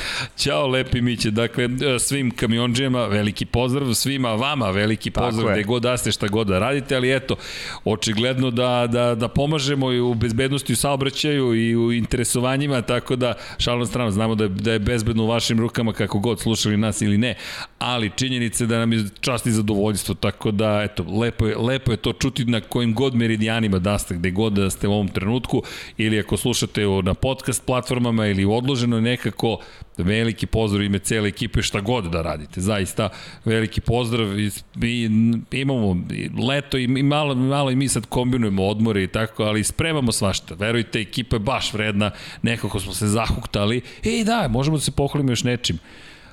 Spomenuh pod, pod kapicom. Dobro. Posetite i Sports magazin sportsmagazin.rs bez e, sportsmagazin.rs, gospodin Dejan Potkonjak, urednik sajta, je krenula je akcija, e, imate novi web sajt? I da, powered by Infinity Lighthouse. Oj, da. znaš da je Brđe napravio ceo novi web sajt sa Deki? Čekaj, kako malo da, smo restilizovali, kako, kako da malo smo osvežili. Kako, da. kako da ustane da mu učestitam? pa, E, to je taj kultni moment. da, i bili smo vredni bravo, cijeli ekip. Bravo, Deki. Jeste, jeste, ovaj, Brđe je baš bio onako vredan stvarno ovaj, svakamu častu. Malo smo to prepakovali, pošto prvobitna namena sajta nije, nije bila onako kako bih rekao, potpunosti informativna, služile za neke promocije, neke druge svrhe i onda kao ajde da, da, da krenem u čitavu priču, ovaj, da, da sad je vreme, onako pripremaju se olimpijske igre i to se zahuktava, mm -hmm. pa da vidimo ovaj, da da malo na, na neki naš način prikažemo ljudima sportove, jer generalno to i jeste uh, ideja. Ono, ne, ne, ne odstupamo od te neke filozofije sports magazina, trud, rad, talenat, posvećenost, to je ono ono što Vrednost. što cenimo tako, tako to je, je ono što što je najvažnije lako je Podržam. ovaj tako je lako je kad neko posle dođe do do vrha i do nekog novca da da na neki drugi način promoviše to što radi, tu služe Bravo. neki, neki drugi mediji, mi smo tu da ono, bukvalno nekih najnižih kategorija podržavamo sve, da prepoznajemo talena, da prepoznajemo taj trud, tu, te, te neke vrednosti prepoznajemo da promovišemo. Eto, to je Bravo, ta ideja Sports priča. magazina, Infinity Lighthouse pomaže tome, hvala im. Pa ja mislim na tome, da tako da eto, imate to je, trojicu, to je super. neko je rekao pesimista, realista i optimista, a ja bih rekao, kako bih rekao, dajte mi 3,5 sekunde da, da, da, da, da, da smislim. Imam, imam odgovarajući moment. A ne znam zašto to otkud to pesimista, to mi ne ide u Ne znam pa je kako ide uz mene pesimista. Znaš, mislim da to zaslužuje. Ne da ne ide, znaš. Mislim da si u četvrtom znam, satu znaš, izgledao, da si izgledao depresivno, možda, da si možda, razmišljao ne, možda zašto neko, sam ja ovde. Ne, ne neko, je, neko te je vezao uz nekog naš. vozača i to ti je ozbiljno zamerio. Moguće. Ja mislim da je to. Znaš šta su možda? Mislim da je to. možda, možda su mu uz Ferrari vezali, a, a to je pesimizam ja sam po sebi. A pazi ovaj podcast. sam prema a pazi ovaj podcast. A pazi ovaj podcast recimo. Ja njima sad dajem ovaj najveće šanse usled ovih promena. U crvenom si potpuno. da, a u crno si se obu. Ali dobro, to ima neku da. drugu isto sad pozadinu. Tako da, znaš, to pesimista, znaš, ono... Ne, ali vidi, ja mislim, pa... Životno nemam taj stav, da, znaš. Da, ali ja ti kažem, to je četvrti sat bio podcasta i ti si manje više izgledao otprilike ovako. Zašto sam ja ovde? Hoće li ovaj čovjek prestati da priča? Hoće li kada fazon kaže još a? 5 minuta pitanja, zaista biti 5 minuta pitanja, ne 55 minuta pitanja? Ne, možda se onda... Mislim da su to bila ta pitanja. Možda je bio neki moment moje odsutnosti, da, moguće, znaš, nekog umora, Možda zamora se razmišljao materijala. kako ćemo osvojiti, kako će Italijani osvojiti titulu. Pa to sam znao da će biti lako. ali da, Imam ali, svedoke, ali koji, nije. ima svedoke kojima se rekao pre A- a početka stvarno prvenstva A stvarno nisi pesimista, to, Ne, to ne, nešto, to ne ide uz moj karakter, ne ide u moj Gagi na karakter. četu, izvinjavam se. Da. Pozdrav za momke u studiju i od vozača iz Srbije. Beograd, Subotica, tačno jedan podcast. Bravo, Gagi, Bravo, to. Gagi, samo napred.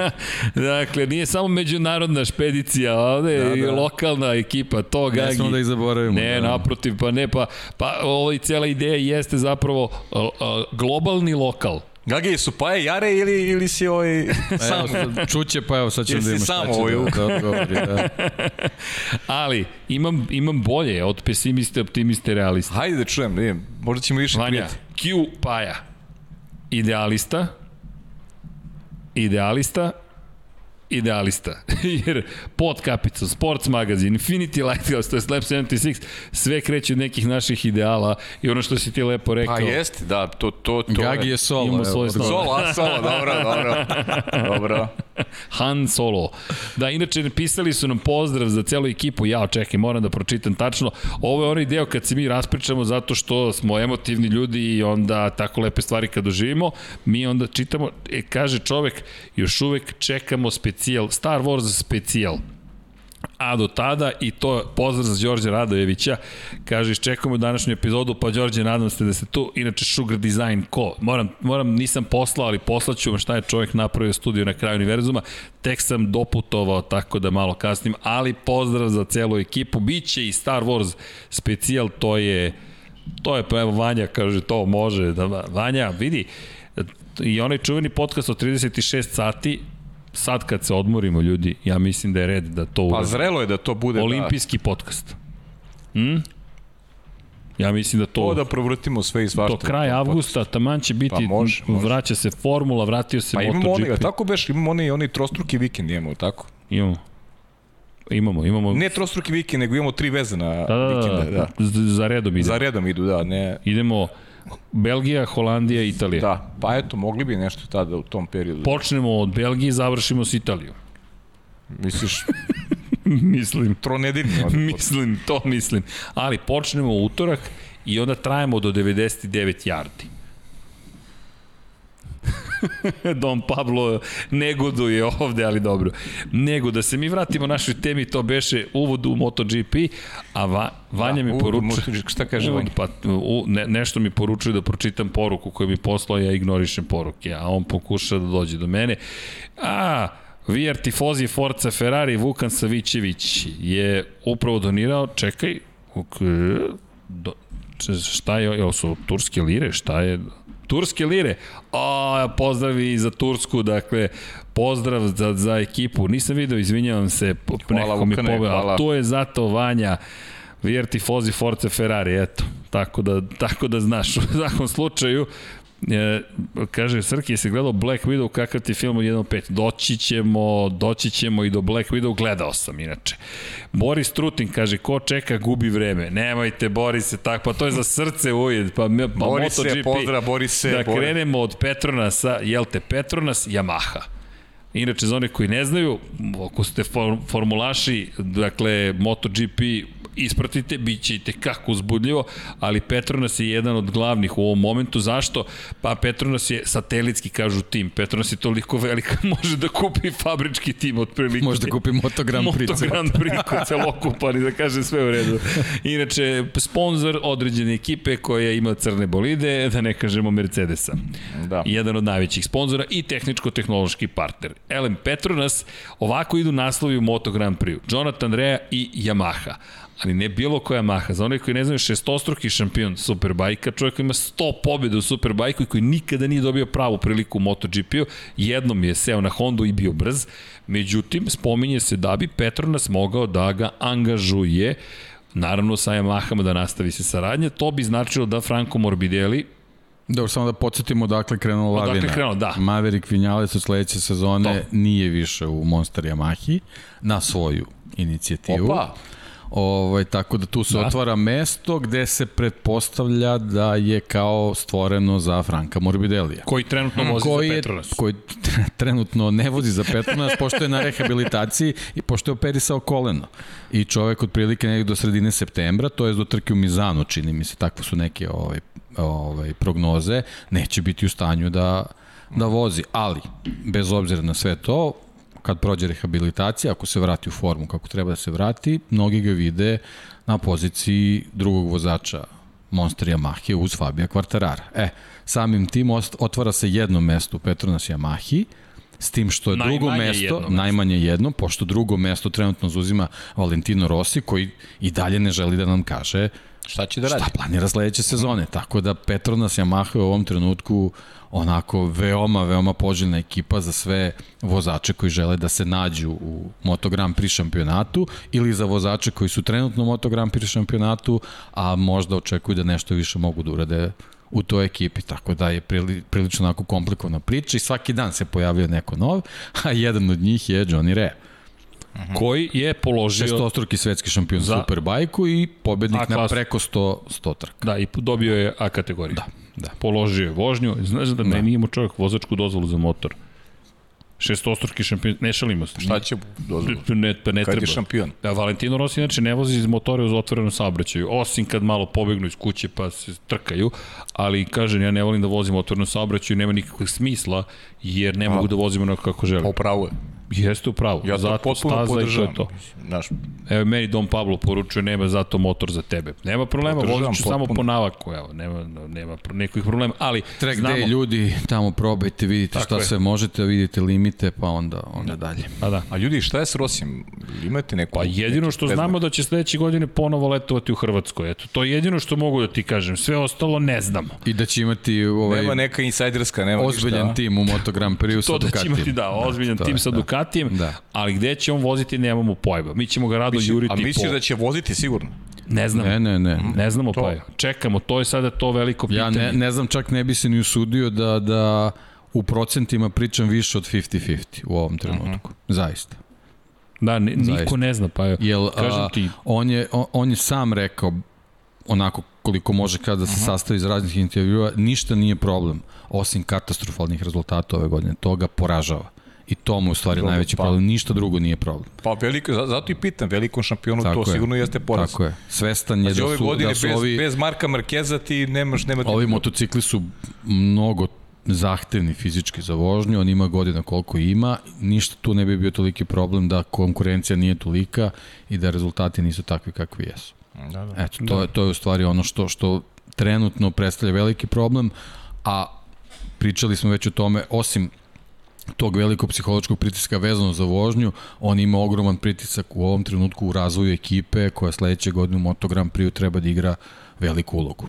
Eto, I ozbiljnu ulogu. I ozbiljnu ulogu. Nosi njegovo ime. Tako mm -hmm. je. Mhm. VR46 da. ekipa, Aramco I je sponsor. O, to sam sad htio da kažem, ozbiljan sponsor je stavio za čitave priče, kao što Jest. pričamo o Petronasu koji stoji iza mhm. Mercedesa, mm -hmm. a Aramco stoji za čitave Formule 1. Da, da, čit, to je... Mm -hmm. Da, da, jasno. A, a ima tu još jedna bitna da... stvar, to je saudijski princ zapravo, da. koji, me, koji negde budućnost Formule 1 kako, kako je ja vidim često jeste, pogotovo uz razvoj električnih motora, je zapravo poput rasnih konja gde ćemo, gde ćemo imati ergele. Jedini, jedini problem vezan za Valentina Rosija i za Aha. Ramko je što je pomenuti gospodin, vlasnik čitave priče, ovaj, izjavio da će biti mnogo lepo da sledeće godine na motociklu na kojem će pisati Ramko vidi braću Valentina Rosija i Luku Marinije. E sad, uh mhm. -huh. Tebi to, je ono što da. Valentino Rossi može napravi veliki problem Jeste. vezano za njegove A odluke ako će da budu drugačije. Ograničenje budžeta. Da. Pri čemu najveći budžet u Moto Grand Prix je 80 miliona, to je, od, dakle, mi govorimo o malo više od polovine ograničenog budžeta Formule 1. Formula 1 da. Najsiromašniji tim, dok nije bilo ograničenja, imao 160 miliona, Williams. 80 ima Honda. I to je duplo veći od prvog sledećeg najbogatijeg tima koji je Ducati koji ima 15 miliona navodno od Da, a pričamo znači o sponzoru koji je sponzor čitave Formule 1. Koji može da sponzoriše više nego cijela Honda i da kaže samo da vidim Rosija na Aramco Ducatiju koliko to košta. Manje više to je poruka. I to je sad dilema. Šta Ili je poruka, ja sam pare dao, ja hoću tebe da može i to da bude. Može ta relacija da bude. Tako da, Pa ja bih volao to da se desi. Ovo, vi mene sad uvodite u neku sferu koju ja ovaj, Pa koju ne jednostavno poznajem, rešio. Da, da. Ja bih volao to da tako bude. Marini Da Rossi. vidimo još jednu godinu, da. tako E, da ali, starog kako, Vuka da kako se god takmiči. bude priča, Ali. može da se desi da ta druga Petronas Yamaha bude slobodna. To Ali. je inače fabrički motocikl. da, da. Momci, ali moram nešto sad da vam kažem. Vozio do kraja ove ili do kraja sledeće ili koje god. Ti ideš na njegovu poslednju trku, ti ideš na njegovu poslednju trku, ti ideš na njegovu poslednju trku, ti ideš na njegovu poslednju Ja idem trku, ja idem na obavezno, njegovu ja idem poslednju obavezno, trku. da. Jedino ukoliko zabrane sva putovanja, ne idemo, ja tog čoveka idem da pozdravim. Dakle, šta god, vozio 23. od 22 vozača, ja idem da to doživim na licu mesta. Jer Ja iznamljujem motorhome i farbam mogu Čuj. Infinity boje. Zovi. Petra da renderuje motorhome. Da, Da, da, spremite već. Da, renderuje poslaću vam, poslaću vam samo ovaj marku, model, da znate dimenzije da imate i to je to. Dakle, render i... U stvari dva. Mora dva, moraš teretanu. Sviđa mi se, sviđa mi se što smo Dobro, nisam to mislio, ali dobro. posle dva Okej. sata napravili jedan dogovor konačno. Da. Imamo nešto da, dogovoreno. Imamo dogovor, da, dobro. Pa pazi, znamo više nego Formula 1 u ovom trenutku šta, ne, šta nas čeka. U imamo, imamo dobru volju, imamo motorhome, imamo vuzelu. Uzele imamo. To za sad, imamo, majice. Tako je. I imamo to. loptu olimpijsku vaterpolu iz Rija. Pa, To ne znam. Tamo je nema. dobro, to je sad s neba pa u rebra, ali dobro. Okej, dobro, ponećemo Moramo da je, čuva, moramo da je čuvamo, da. ubiće me Andrija. Bližimo Nemoj se da sluša- ponoći. Nadam se da Andrija ne Bližimo slušaš se ovo. ponoći. Ne, nadam se Andrije da slušaš. Ne sluša ovo u avionu, je- u avionu je sada, ne, ne sluša. Ne sluša se u avionu, pa molim te pa sad modernizacija, streaming radi. Da, kreću ekipe Krenuli polako. su, krenuli su, Odbojkašice, su krenuli, da. Da. Da. Viš kako Andri Saković nam kreće. Andrija na kraju. Da, vidiš pozdrav je- za Andreja, sigurno nas sluša sad, da. Pozdrav za Andreja Isakovića, da, Da, da. da. U, čekaj, da li to znači da će Lab 76 na olimpijske igre? Blink, blink. Bićemo, bićemo i blink, tamo. blink. Don Pablo mi nešto pokazuje. Cvrbi vas prsti. E, Kaže, je poruka za Infinity Lighthouse, rezervišite vi bolje tri autobusa za poslednju trku Valentina Rossi. 76 autobusa. Bo, mislim da bi bilo malo. Mislim da bi bilo malo, da. Bilo ne, bi ne, malo. ukoliko čovjek... Uslov, uslov za prevoznike da autobusi imaju 76 mesta. Da, ne, ako, Ili makar 46. ako se... Da, to može. Može, to može. može. To im je, to im je izvodljivije. U, pa Da. ne, sad bucket list. Zalepiti Lab 76 nalepnicu na broj 46 saobraćajni znak u Tavulji. Pa dobro, to je izvodljivo. To je, Pa ne, ne, izvodljivo je, nego samo moramo to da učinimo. Don Pablo kaže, o čemu pričaš? u vožnji kroz prozor dogovoreno. motorhome. Da.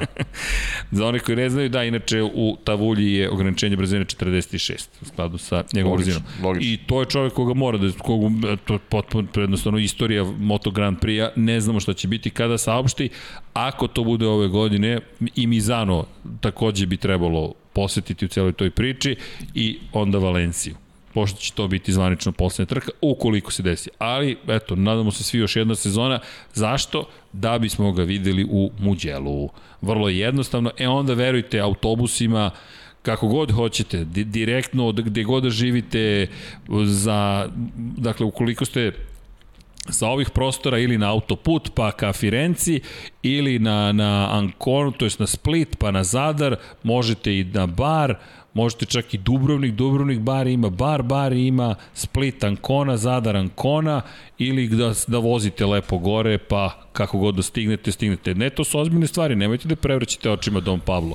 Moraju ljudi da dobiju informaciju, to što vi znate kojim putem stići ne znači da svi znaju, prosto naš posao da informišemo, a možete naravno da, kažem, sednete u autobus i cijela ekipa da se spakuje, šć, ode do Firence. Zašto? Zato što mu djelo posebna trka. Da, ima veze s Valentino Rosim, ali eto. Da se vratimo na Petronas. Ako ode i on iz Petronasa, sada to dovodi, dovodi do kombinacije Jonathan Rea, Andrea Doviciozo. Doviciozo je taj koga Povratak. sada, da, sve više spominju kao vozača Petronas Yamahe. I kombinacija Rea Doviciozo zastrašujuće. to bi stvarno bilo zastrašujuće. Bez obzira na manjak iskustva za Johnny Reu, to je velika prilika jer to su fabrički motocikli. To su fabrički motocikli i imati Dovicioza i Reu u jednoj ekipi, a u fabričkom timu su Morbidelli i Quartararo, Yamaha, Da, jedino što prosto matematikom dolazimo od toga da Rea i Doviciozo će sledeće godine da imaju 70 godina. Da. ok, ja to je onako malo možda neka otežavajuća okolnost, ali možda za nekoga ko pravi taj čitav program, možda to nije problem. Misliš da je Mariniju i Rosiju lakše, pošto imaju manje godina zajedno? Pa, da, da, malo manje, malo manje. Ali, ali pričam za drugi deo Yamahine priče da imaš Kvartarara i Morbidelija u odnosu na ovaj pa, tandem, to, da. a Petronas već ove sezone ima jednu sezonu koja nije baš onako kako su očekivali, pitanje je da li, da li ovaj, žele da ulaze u taj neki dodatni rizik, tako da vidjet ćemo, ali, ali lepo da se priča na, na taj način. Posebno to spominjanje Johnny Rea koji eto nije imao priliku da, da, da onako pokaže šta može u, u Moto Grand Prix-u, u Superbike je stvarno pokazao da, da je izuzetan vozač. Tako da ovaj, lepo, lepo što se spominju čitaju priče, mada on je u svojim intervjuima već ranije govorio pre, pre ove čitave situacije do duše, da generalno je svestan da je njegovo vreme vezano za Moto Grand Prix ipak onako možda iscurelo. Tako da, ovaj, ali, znaš, kad već dobiješ ponudu, ako se pojavi na stolu, to je onda ozbiljna stvar za, za ra, razmatranje i ne može tek tako da se odbije. Ako uh mhm. dođe do toga. Pa da, ali nije tu kraj cele priče. Ti si napomenuo, Morbidelli neće voziti do septembra. Ko će da sedi na Petronas i da. Mahi u avgustu? Da. Imamo pa, ozbiljne trke. Imamo ozbiljne trke i problem je što, što vozači koji se nalaze u nekoj vezi sa Yamahom, ovaj, a uglavnom su se takmiču u Superbajku, imaju šampionat koji teče u tom, tom trenutku i neke trke se čak i poklapaju. Tako da biće ovaj prilike da da bude slobodno mesto, tako da moguće da pošto su se aktivirale priče oko wild card pozicija kao što je pričao vezan za KTM i za Danija Pedrosu, ove, tako se pojavila priča oko Yamahe i Kala Karačla koji bi možda mogao dobiti priliku eto, da, koji inače sad zvanični test vozač Yamahe i u čitoj priči i sa Petronas Yamahom kao što je i sa, sa, sa Monster Yamahom, on je generalno test vozač Yamaha, ne, ne timova, tako da ovaj, moguće da on dobije priliku na, na trkama gde, gde se ovaj kalendar poklapa Superbike i Moto Grand Prix-a. E sad ako bude još nekih trka gde su Superbike vozači slobodni, možda možemo ponovo Gareta Gerlofa da vidimo, a svi bismo volili da vidimo ovaj Johnny Areo, to je jedini problem što on sedi na Kawasaki trenutno, tako da Jeste, ali ima jednog velikog jednog saveznika. Velikog, da, zajedničkog sponzora, tako da ovaj, čitava da. priča onako nekako mnogo tečnije može da, može da prođe, posebno zato što generalno jeste Yamaha ovaj, u neku ruku konkurentska priča s Kawasakijem, ali Kawasaki nema nikakve posebne dodire trenutno sa Moto Grand Prix, tako da to može da im ne predstavlja nikakav mm. problem da se on pojavi. Pa da, ima to i kada je reč o Monsteru, Monster je izgubio, ni za Monster nije jednostavna vest da je iz njihovog tima otišao praktično Maverick Vinales to je isto veliki udarac iz perspektive sponzorstva, jer vi očekujete od njega da se pojavljuje u određenim ulogama, toga neće biti da stiže Franco Morbidelli, e sad Monster nije toliko vezan za Petronas, ali ako obratite pažnju, Monsterovi vozači su u nižim kategorijama, i u Moto2, i u Moto3, pa i u Moto Grand Prix, Monster je taj koji se tu pojavljuje. Imati, inače zanimljiv Monster i na Johnnyjevim jel te, kombinezonima, tako da bi... On tako, je jedan od važnijih promotera. Tako je, tako da bi jel tako da velika... Da, ono što smo pričali, ne smo da zaboravimo njegovu popularnost u Velikoj Britaniji. On je, on je ozbiljen mega igrač. popularan, mega igrač. popularan i jedan pravi dasa, jedan čovek koji koji radi prave stvari, sjajno vozi. Ja sam i dalje kupljen kada je Anu Karasko podržao devojčica povređena i, i te prozivke koje ona doživljavala, voziš kao devojčica, bla, bla, bla. To je kad, kad su ljudi nemoćni pa ne znaju šta da vam izmisli, izmisli vam nešto šta god to bilo. U njenom slučaju da je devojčica, on je obuku majicu, vozim kao devojčica. I to uradi Johnny Rea, to je kraj. Ad acta je stavljena cela priča i Johnny je stvarno legenda, oni su, oni su zajedno legenda, on ne mora ništa više da radi, čovjek će zaobik biti legenda i uživa takvo poštovanje, prosto je neverova, prosto je fascinantno koliko je on postigao na jedan na jedan deluje jednostavan način. I, i on bi bio dodatak, mislim da će Dorna takođe da zalegne Jeste, ali, to. ali to je jako velik rizik za, Za za njega da posle takve reputacije da dođe u Moto Grand Prix I da ne u godinama u nešto. kojima već jeste realno. To dobro, to, to, To jeste, je, ali... To je. Znaš kako, zov, Zar, zar to nije sport, znaš? Ne, ne, sve je okej, okay, sve je ali okej, okay, nego sebe napred, on je, on je dosta godina. puta u, u izjavama svojim ovaj, stavio do znanja da je vrlo svestan gde, kad je u stvari njegovo vreme trebalo da bude za Moto Grand Pa, Prix. dobro. Eto, to je, da, da, da se tako iz, izrazim. Nije on zatvorio vrata, ali jednostavno je svestan u kakvoj je poziciji. Dobro, lepo Tako bi da bilo. to je- Nadam, se da će biti prilike Evo, da ga intervjuišemo. mislim, konkretno, bi bilo Gareth Gerlof je čovek s kojim se borio u, na prvoj trci sezone u Superbajku. Gareth Gerlof je seo na Petronas Yamahu u Asenu i to nije baš bilo jednostavno. bolje, je, sve, sve je bolje da se razume malo, on ni, ni blizu vrhu nije, a inače je u vrhu u, u Superbajku. Tako da, nije to baš tako jednostavno. Moto Grand Prix je neka sasvim, sasvim druga priča. Ali opet, Johnny Rea na Yamahi bilo bi fenomenalno. super Uz zvuči, Andreu super zvuči, još, da. uj, i Rossi da ostane u Aramco VR46, pš, pa pš, koliko, koliko smo dobili mega zvezda. Pa raspoloženje je letnje. Tako je, a čekaj, a kažite mi vas dvojica, ovaj, je Quartararo uzeo titulu? Pa nije. Nije, nije ni nije, blizu nije, još. nije, nije, nije. Nije stižu Ducatijeve staze i to dva puta Red Bull ring, sad ga čeka i drugo Marquez. Njega Mark prošla godina Red Bull da ringu nije bilo nigde. Ali bukvalno A nigde. ko, Bukvalno. koga vidite kao nekog... e, Ko Ne, ne, on da je, ga on je glavni konkurent, to, to sve Pa da, stoji, koji, ali da je koji, rešio... njegov, koji njegov konkurent? E, Pa sad ćemo vidjeti, sve zavisi od Ducatija, Da. Mislim od vozača. da će se sad iskristalisati Da. komu Ja malo vidim- Ko je u stvari, kako Koga rekao, vidiš? Pa ne, pratio sam malo šta se deša, pa vidim da osciliraju dosta, da ono, Da. da. Miller, Banjaja... Pa dobro, zato što staze, se, staze znaš. nisu bile ove na ruku, Ali- ali, ali, tu su Zarko Ali i Miller su tu. generalno. I Zarko, i I Zarko, Zarko. koji je, da, koji je na, na, na Po, pramaku. popularni Žarko. Da, Žarko koji juri, juri prvu pobedu za, za, za pramak, to je onako Plemeniti cilj. Da, da, to je sad već onako postaje malo i frustrirajuće i problem za, za pramak. Tu su, I, a nikako. I za njega i za njih. Da, da. I za njega on nema isto Pa i pobedu. da, da, da. On nema, on juri svoju prvu Generalno pobedu Moto Grand Prix. da. I, I to, to, ako na Red Bull ringu, dve trke se voze na Red Bull ringu, isto kao u Formuli 1, ukoliko tu Ducatijevci, konkretnije da, konkretnije da budem jedan od Ducatijevaca Pa jedan, odveze pa to dve je dobre poenta. trke, To je poenta da jedan odveze dve dobre Tako je, ukoliko odveze dve dobre trke, e onda ćemo dobiti odgovor na pitanje komu je najveći rival. Ali ukoliko ne odvezu, Quartararo tu može da se provuče slično, ali ne provuče, to nije pravi termin. Kao i svi veliki šampioni, e, Marquez kada je imao rivale, imao ih je mnogo tokom sezone, ne jednog konstantnog. I jednostavnija je situacija.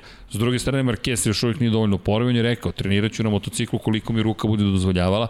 Ukoliko se Marquez oporavi dovoljno, a on je uvek opasan, znaš, od njega, dobro, naravno. ne znam šta, on je jedini koji može da, da bude toliko konstantan. Vinjales, Da, inače odmarao do, Ode do, čovjek. do pre nekoliko Da. da. dana i sad je počeo sa fizičkim pripremama, tako da jeste. očekujemo nekog drugačijeg Markeza ovaj, u nastavku sezone, Da. to je pripremljenijeg Markeza. Mm -hmm. Jer videli smo da ovaj, stil vožnje je tu, samo je ovaj, pitanje fizičke spreme njegove. A, jasno. Tako da, eto i to će možda biti, ukoliko Marquez odveze dve fantastične trke na Red Bull ringu, ja ga ne bih otpisao. Koliko god to zvučalo senzacionalistički gotovo, to je Mark Marquez, mi ne pričamo o bilo kome, mi pričamo o osmostrukom svetskom šampionu, čoveku, pričamo o Rej koji ima šest titula u Superbike, koji čovjek ima šest titula u kraljevskoj klasi. Rossi ih ima sedam u kraljevskoj klasi. To su neka, to su druge dimenzije onoga što su oni postigli. Tako da čekamo sa te dve trke 8. i 15. avgusta, inače mislim da su karte rasprodate, očekuje se i na prvoj i na drugoj trci da budu preporne tribine kao što je sada atmosfera bila nestvarna za Formulu Da, da, 1, jeste, to očekujemo za Moto Grand Prix. Rizično je iz perspektive pandemije, ali isto tako... Uželili su se ljudi, da, definitivno, prosto, to pa ne može, ogroman je pritisak, stalno zatvoren si. Takav je napredak postignut u šampionatu, a ljudi bukvalno nisu mogli to uživo da vide i Da.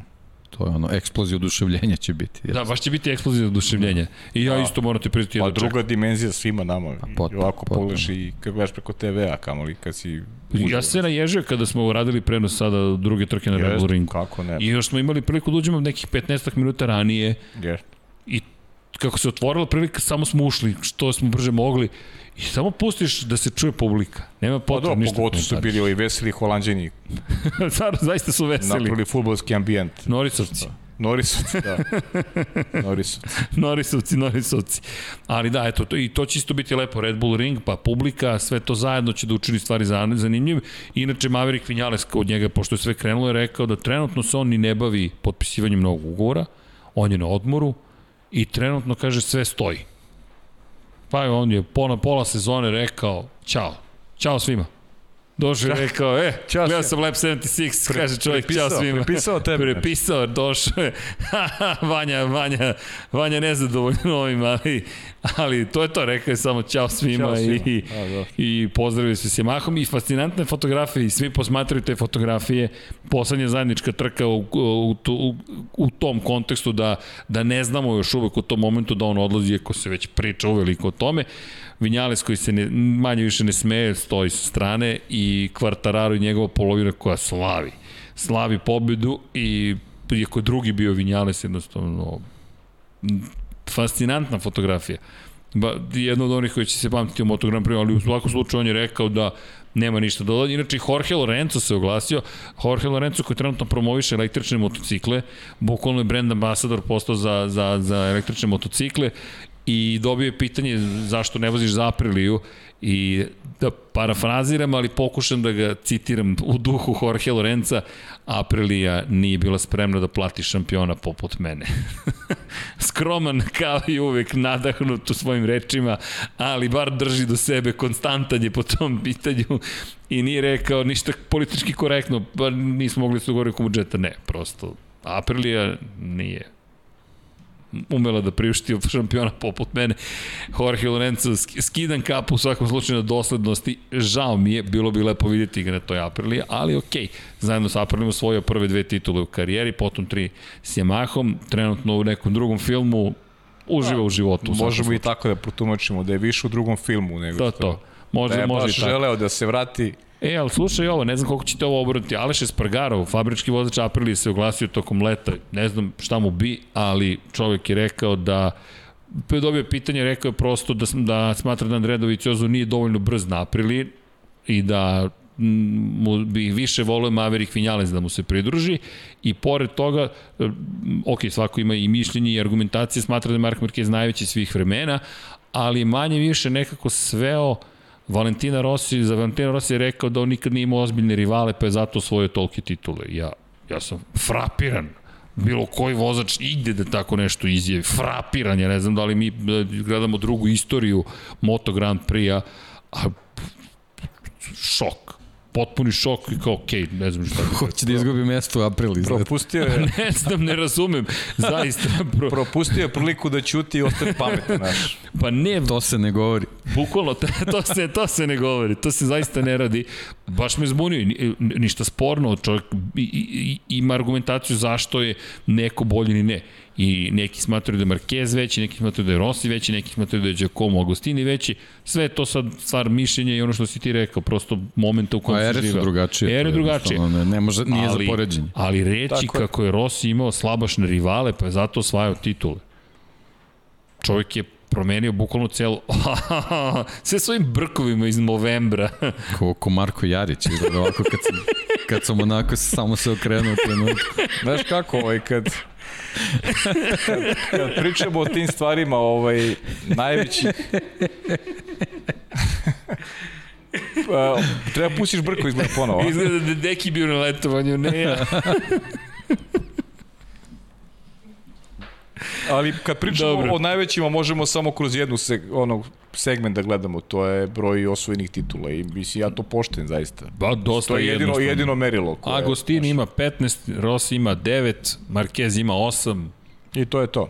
imaš i 13 titula ima, ima, ima Angel Nieto. I možemo nekog da volimo, da ga ne volimo, ali znaš, jednostavno stoji, da. brojke su, znaš, brojke su brojke i to ne sme i ne može niko da ignoriše. To je sad kao polemika, kao, znaš, da li je Novak Đoković najveći ili nije, pa vidi, ako budimo Od najviše, prilike to je ta ako priča, budimo da. najviše Grand Slam titula, pa naravno da je najveći svih vremena. Ko je veći od njega, mislim, ne, ne, ne razumem. Znaš, to ti je ono kao, uh, ne znam, Italija je evropski prvak, ali je Engleska igrala lepši futbol, kao, znaš, kao neko postavi tako stvari. Pa da, okej, okay, neka je igrala lepši, ali Italija je evropski prvak. I, i, I to je to. Znaš, ti ne biraš, ne biraš najvećeg po tome ko je tebi ko je tebi lepši ili ko ti je prihvatljiviji tebi, nego, nego prosto ko je e, imao najveće dostignuće i to je jedino merilo vrednosti. Piše. Pa to što Na piše, kraju. to je to, nema, nema, ne, ne možemo da se hvatamo za neke druge, možemo da izmišljamo neke iracionalne stvari, da ih, da Ma ih postavljamo. Čak, čak naš... i ako krenemo u diskusiju da nimo rivale, Pa, pa, možemo da sutra o tome da pričamo. Pa naravno, mislim, možda priča da pričamo na kakvim motociklima je sedeo i kakve motocikle ovaj, dovodio do toga da budu šampionski. Znaš, tako teško je, mislim, teško znaš, pričati to, o tome. To, to su toliko glupe izjave da, da. ih ne vredi čak, ne treba ih čak ni, ovaj, da, zbunjujuće. ni, ni, ni, citirati. Ma ne zbunjujuće, da, da, glupe. pitanje, znaš, možda je nešto izvučeno iz konteksta, znaš, uvek ima i, i takvih situacija, ali o, o, Dosta ovako kako je Srki preneo stvarno delo onako neverovatno baš, baš da neko može baš može da izjavi bilo u celoj da, priči. Da, da. I pogotovo Aleš koji je relativno rezervisan u celoj priči, ali mi je šok takođe bio za Dovicioza da je rekao da smatra da prosto nije dovoljno brz. Kako znaš da nije dovoljno brz? Čovjek je testirao tri puta taj motocikl. Posle pauze. Posle ko zna, pauze. možda, možda mu Rossi nije, možda, možda ga Rossi ovaj, nije hteo u kafiću da mu pruži ruku negde ili nešto, ko zna, znaš, možda je to na na ličnoj bazi, znaš, mislim. Pa ljudi... možda, znaš, ali ne, ne, vi, vi, zbunjujuće mi je bilo u svakom slučaju, ali dobro, eto, da, dobro, se da, čovjek, da, ne, idemo dalje, da, da, da, prosto se oglasio. Da smanjimo pažnju dovoljno. Da, da, dobio, do, ne, do, dobio dovoljno. Dobio dovoljna doza, da, ne, dovoljna doza I, i nije za pažnju uopšte. Da, ali eto, u MotoGP-u... U svakom slučaju, samo da eto, ne zaboravimo kada spominjemo Naravno. ovaj Spargara, pre svega Apriliju, očekujemo snažniji motocikl već, već od, od sledećih trka posle da. pauze, tako da ono, može da se desi da, da Red Bull Ring i, i ovaj, Aprili odgovara, pa da vidimo tu neki konačno taj pomak ka pobedničkom postolju. Eto, da. koji će njima biti neki dodatan boost, u stvari neki očekivani napredak, ako ih poredimo sa napredkom KTM-a, jel ih stalno uzimamo ovaj, ovaj, kao, kao neku meru za, za, za neki dobar i, i kvalitetan razvoj motocikla. Red Bull Ring je možda i za u prilika da, da, da naprave neki korak više. Da, ima puno priča kada je reč o jačanju motora. Honda očekuje veliki broj novih stvari, takođe po završetku letnje pauze. Suzuki neće imati mnogo unapređenja, od da. Ducati uvek nekako to očekujemo.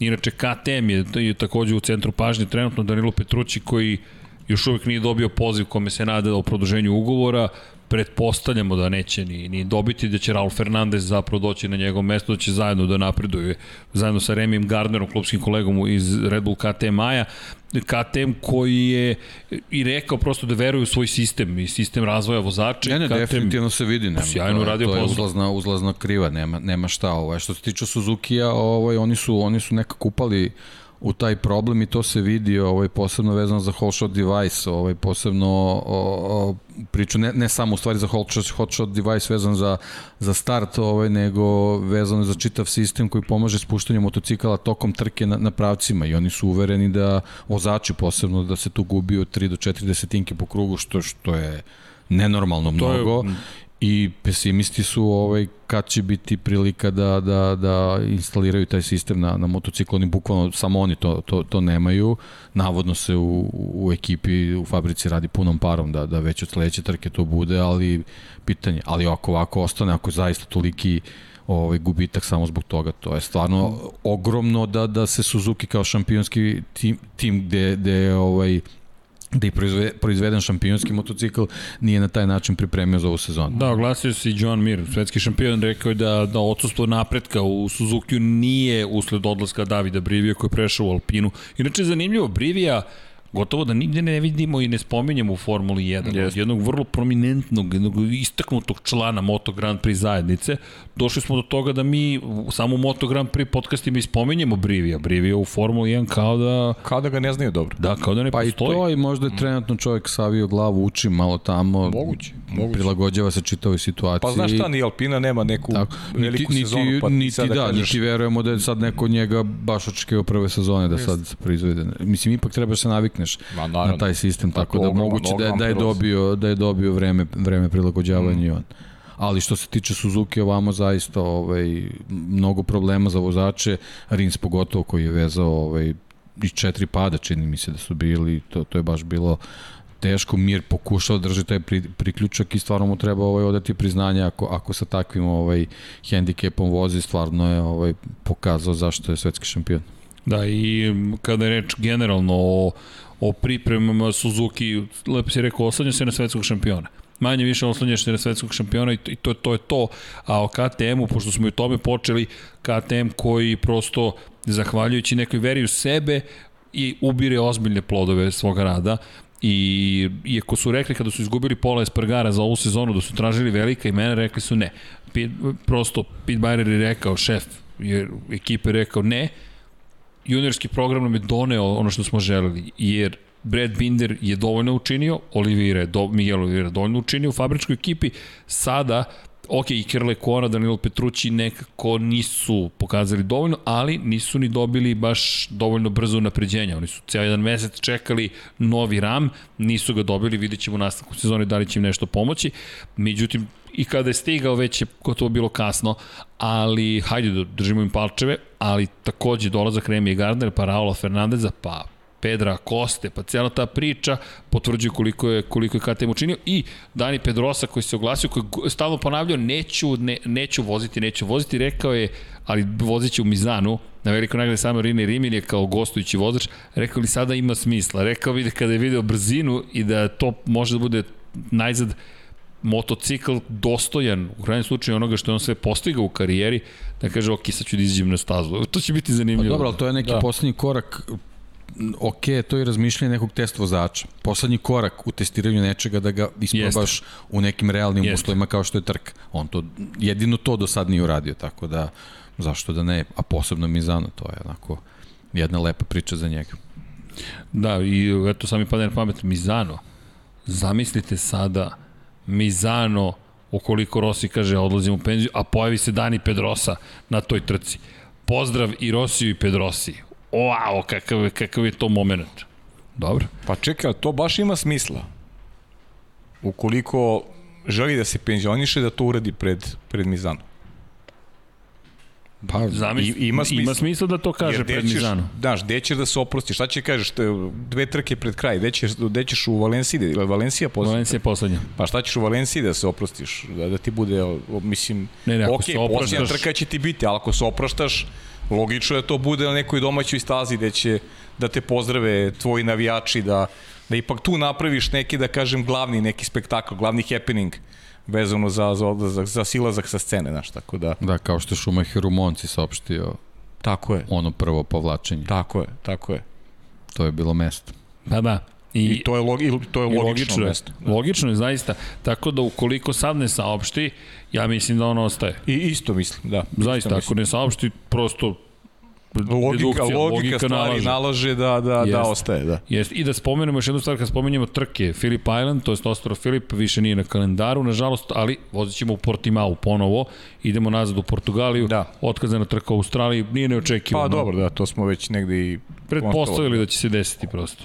Moto Grand Prix jednostavno mora da prati ono što se događa, epidemiološka situacija nije dobra, u Sidneju je produžen karantin za još dve nedelje, pokušavaju da se zaštite i kako sada stvari stoje, Australiju možda ćemo videti za Formulu 1 naredne godine. Pa čekamo i popunu kalendara za Formulu 1. Ima jedna rupa. To još, još ne znam, još postoji rupa i to, toga da. smo se dotakli prethodne nedelje ne znamo. Nema da, i Silverstone su podigli dva prsta, rekli su ako treba, ako tu treba, smo. Tu smo da, da, tako da imaju eto neku backup, backup opciju, ali vidjet ćemo. Meni je nekako realnije ovaj, neki Abu Dhabi ili Isto. Ili pa, Bahrein ili tako da nešto, da, da. U to da, vreme da, sezone da. realnije. Da, da Silverstone baš tad voziti. Mislim da... Treba će, ali oni su rekli, ok, tu smo. Treba će, treba, da. treba će im lanci u to. da. Tako da imaju backupove, ali... Da. Eto, bilo, bilo bi dobro da se izađe malo iz Evrope, eto to, ako već, da, već treba deli, se pravi deli, neke, deli. neka zamena da, Slušaj, da ti kažem, da ne budu u Evropi. Deki, Srđan i ja smo odavno ovaj, kupili vreće za spavanje, odavno. Tako je i već, evo, ne eksploatišemo ih već godinu i po dana. Meni stoji vreća za spavanje više sam i zaboravio gde da, sam je stavio. Ovo je prilično komfortno za vas. Ovo je, ovo je prilično da. komfortno, znaš. E, tako da, nedostaje nam jedna trka u kojoj ćemo da to što smo uložili, da kažem, ok, ovo je isplativa investicija. Ovako, naš, ne, Ovako je ovako sumnja, više ne znam, sumnja, da, da. ne znam ni gde mi je vreće za spavanje. Čekaj, da li ste vi izgovorili reč komforno? U svemu ovom. Pa, pa Čovjek komforna se je. složio, ja sam Pa jeste predložio, on je rekao da... Dobro, komforna je u smislu da nam ne treba vreće. I, znaš, koliko nam već ne treba vreće? Godinu i po dana. Godinu i po praktično. Pa da. Godinu i po praktično. Ali, e da, Resničanin kaže, bliži se Hungaron ringa. Šta bi savjetovali za one koji bi išli na dan trke, a šta za one koji bi išli na produženi vikend do Budimpešte? Jao, zašto nismo Vanja uradili? Nismo pustili, nismo stavili poster Bogdanov. Jel tako? Jesmo. Kako ne? Na početak, početku, na početku. kako se nas bunio. Ne, ne, ne, jeste, jeste, pomislio sam da je bio, jeste, jeste, jeste. Ne da si me zbunio, nego šta... A, znam, drugi poster, to... Da. A, E, da, imamo drugi, bravo. poster, Eldinov poster, Eldin koji je poslao, bravo. pustili. E, da, Eldinov, Nešto. bravo. E, okej. Eldin Kadić, pozdrav, ali imali smo još jedan poster smo dobili, ja mislim. Ne, I, I to ćemo isto da spremimo, ali samo korak po korak.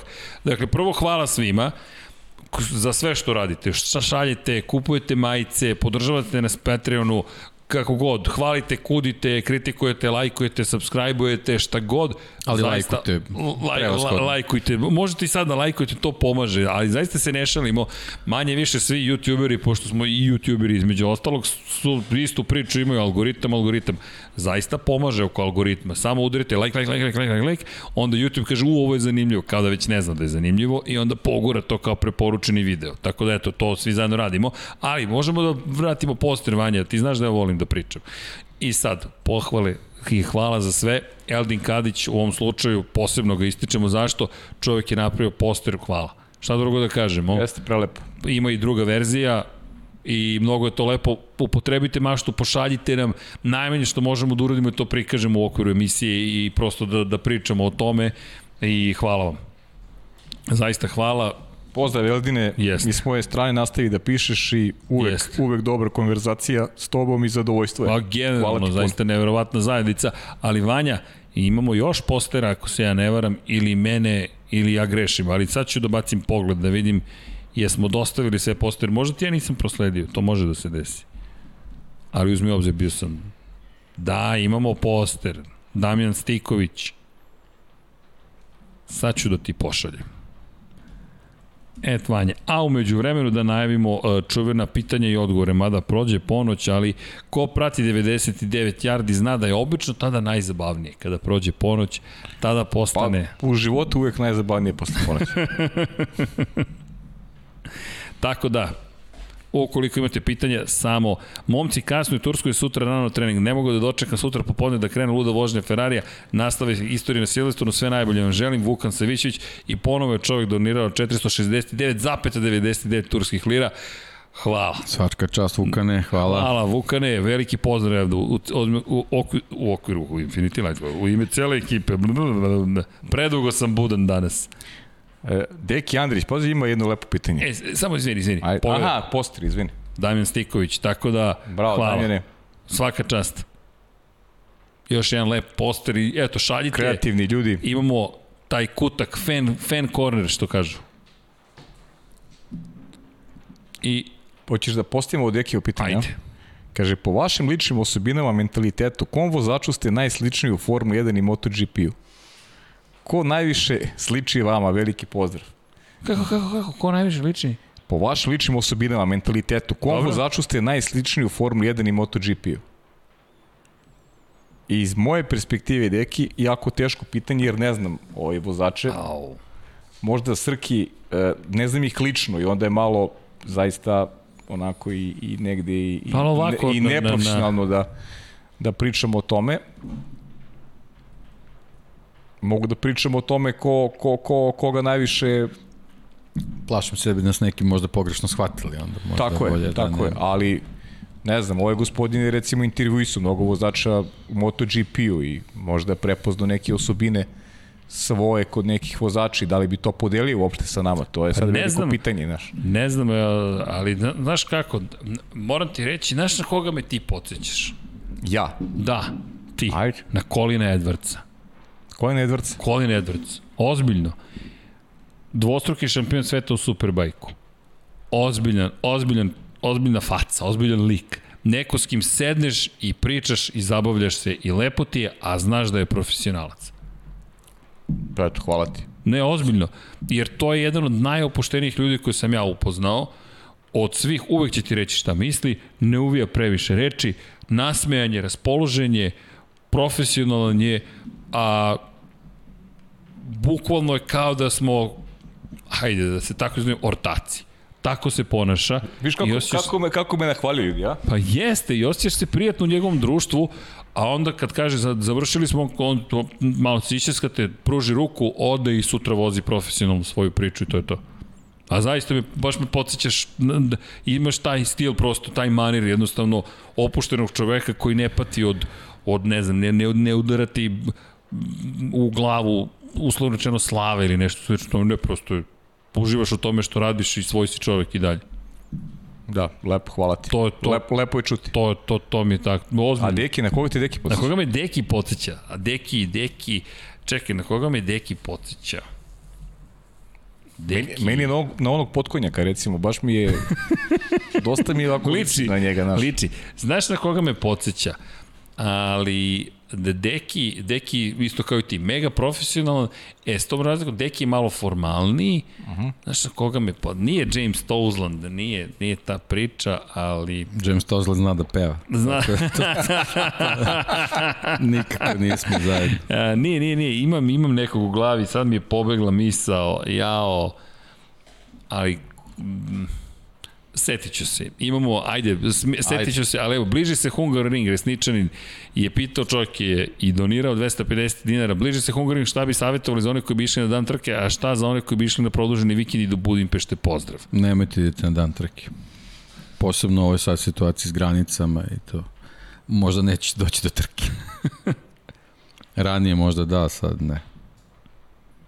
Moj onako savjet. Vrlo jednostavno. Eto, Ili ako krećete, kako je krenite, iskren, kako je krenite, iskren direktno. krenite u ponoć, mislim, jedino tako. Ali to je onda malo, kad dođete na stazu, zaspaćete posle pola sata. Da. Znaš na koga me podsjeća, Deki? Koga? Ajde, te, pa ne. Mi o pa Hungaroringu, pitanje, ono, men. o, Pa odlično pitanje. Pa jeste odlično pitanje. Pa ne, Hungaroring sve si rekao. Ako da, idete u odlično Budimpeštu, idite, uživajte, jedite, prelep grad, ne znam, popnite se gore na, na tvrđavu, bacite Mi smo vozili pogled. svoje vremeno, dok sam bio u autobildu, organizovali smo mini bus, 50 čitalaca autobilda smo vodili na Hungaroring na dan trke. Sad ne mogu se setiti, moram pronaći ću baš njihove ovaj, pisma i, i, i komentare, Njihove ali podatke. bilo je okej, Njihove zato što podatke. smo zato što su jako brzo jako brzo se prešlo tad preko granice i kratko je trajao put i to je skroz bilo okej. Ovaj, ali nisam sad siguran u ovoj situaciji ovaj, da koliko će vremena trebati se pređe granica. Da, da. Da, setio sam se, na Danije Pedrosu me podsjećaš. A Danije Pedrosa. A znaš zašto? Uvek ljubazan, vrlo precizan u svojoj komunikaciji i znaš da ima smisla za humor, ne pokazuje ga non stop, nego da završimo ozbiljan deo, ali posle nekog vremena opusti se i vidiš prosto nasmejano lice iza zaista zategnutog profesionalca i to mislim u najlepšem smislu te reči. E takav je Dani Pedrosa. Znam da smo ga pitali svojevremeno, pa rekao si da je Rossi loš, ne znam da Ducati. On, ka, on, njegov odgovor je bio, da li sam to rekao? Ili me možda novinar koji je to napisao pogrešno citirao. E pa to je iz problem, da. To je problem. To je, to je meni zadrška iza Espargara. Prosto dobro, da. ne verujem da je tako nešto mogu da izjavi za Valentina Rossi na taj način. Pa Ali baš e, e, eksplicitno je, znaš, Da, ti si da. makar, makar tako preneo. Pa, Da. Tako je napisano, bukvalno da je čovjek to izjavio, Da, da. ali, ali moguće, ali zato mi se Dani Pedrosa Ali tu mnogo si pravo da Dan je prilično precizan odgovorima i ne možeš da izvučeš iz konteksta. Pre, zato, Da. zato me podsjeća na tebe, Zato ti je si dobar test precizan. vozač. On čovjek kaže i to što kaže nema, nema duplo tumačenje. Da, I, i, zato je... I, šta nam je dužan do kraja emisije? Samo još da kaže na koga on podsjeća. Na koga ja Na, podsjećam. znači, rekao je za tebe i za mene, a ovaj, samo još da kaže na koga on podsjeća. Neko ko voli da kasni, to jest vo- ne, nema pojam o vremenu, uvijek stiže u minut do, koliko god on Čekaj, pa sad se, ovde sad, ne, vidi, sad se ovde rekao je volim da kasnim. Ja sam mislio da je to čisto Pa onako... da, nije, da se to pa, slučajno neki dogodi. privlačiš Slučajno, da. pažnju, uvek si u centru pažnje, ako A, to kasniš, to. prosto si u centru pažnje, to je bolest, mislim, to, to, to pokušao sam ja to da izličim, ne vredi. Znaš, neko vreme dolazim na vreme i onda nešto se desi, nešto neverovatno se desi i onda ja zakasnim. A uvijek se dešti nešto nevjerojatno. Tako, uvek je, ne, priča koliko hoćeš. Dobro, da, što je... vidi, pa bar sam svestan, da, ali, Pa, ali ne, da, ne znam, ne znam, ne znam, bojim se kad bih rekao na koga samog sebe sad podsjećam Pa da ne. bi bilo dobro. Pa sjeti se ko, ko najviše kasni na startu trke, znaš, i onda, je- onda je to to. da, da, mislim da nije mudro da... da, da Morbidelli možda ove sezone koliko se nije ja on pratim. precizan čovjek, on Ne, mislim, kasni mnogo na početku trke. Zaostaje, mislim. Da.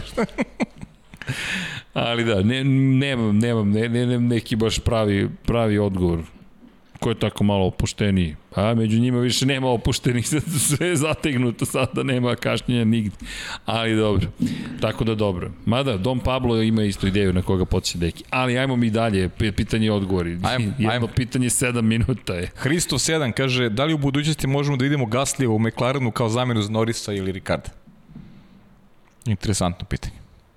Pa da, interesantna kombinacija. Pa ne, nisam razmišljao o tome.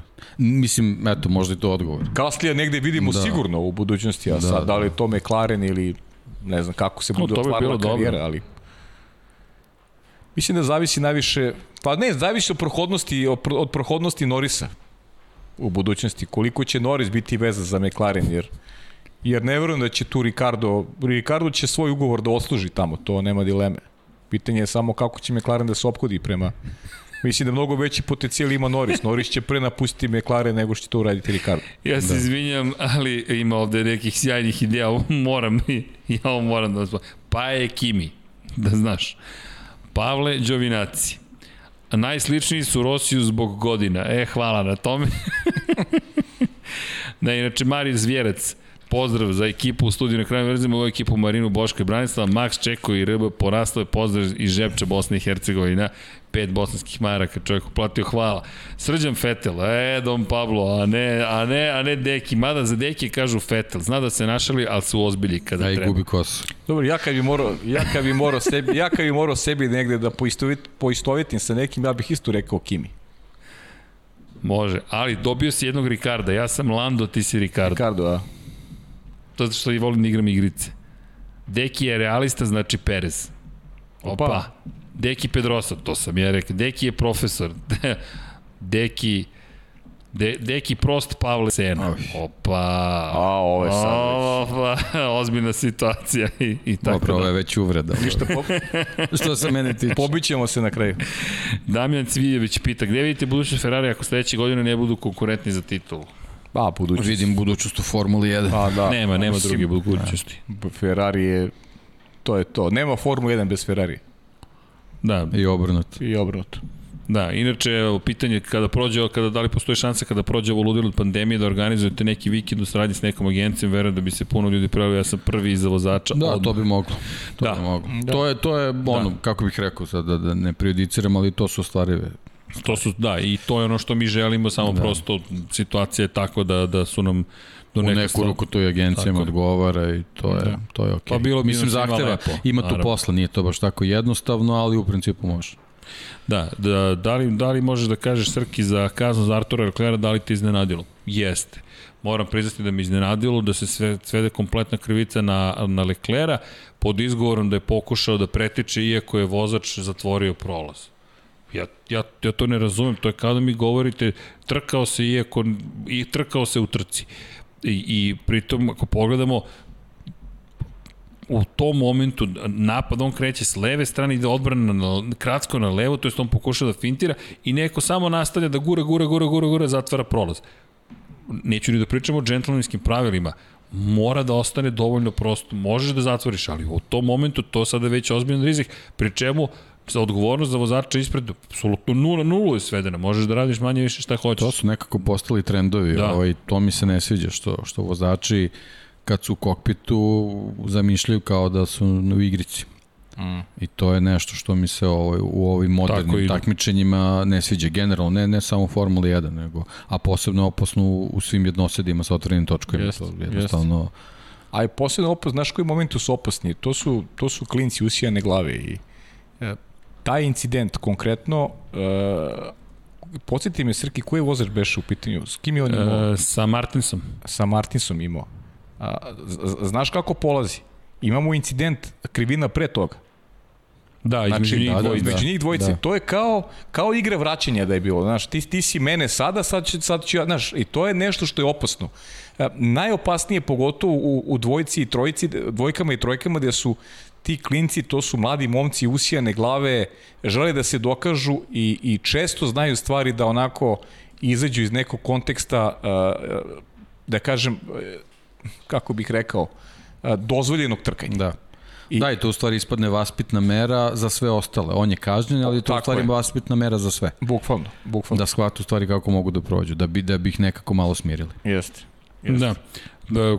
Meni je to baš bilo veliko iznenađenje. Smatram jeste, jeste, da, da, isto, da su takođe. toliko pojednostavili situaciju da, da, da, da, da postoje se pitanje trkanja, zaista pa, postoje pitanje trka, pogotovo što ja mislim, ja sam gledao malo širu sliku u yes. odnosu na tvoju yes, reakciju yes, prvobitnu, yes. ali je činjenica da je, da je Martins vrlo agresivno branio poziciju. Jednostavno nije dao Lecleru ni malo prostora. I to Bukvalno je, ništa nije Ništa ostavio. mu nije da on išao, što se kaže, ona cik-cak vožnja i to u nekoliko navrata zaista vrlo opasna, vrlo je opasno branio poziciju, najmanju ruku. Tako da slažem se s obojicom da, da Leclerc nije, nije zaslužio da bude da se krivica svede na njega. Samo na njega, da. Samo na da. njega, da. Ali kažem, meni to delo kao neka vaspitna mera i za sve ostalo. Jest. Da, in... Preko njegovih leđa. Preko njegovih Preko leđa. Da. leđa jeste. Inače, neko je pitao šta konkretno znači promjena šasije za vozače, samo da vidim na na koje postave pitanje, da, uh, Vukašin Arsenijević. Vukašine, radi se o kako bismo to, o monokoku u suštini. Pre, menja se monokok. Monokok, ne znam, da li je deki samonoseća karoserija najbliži opis monokoka.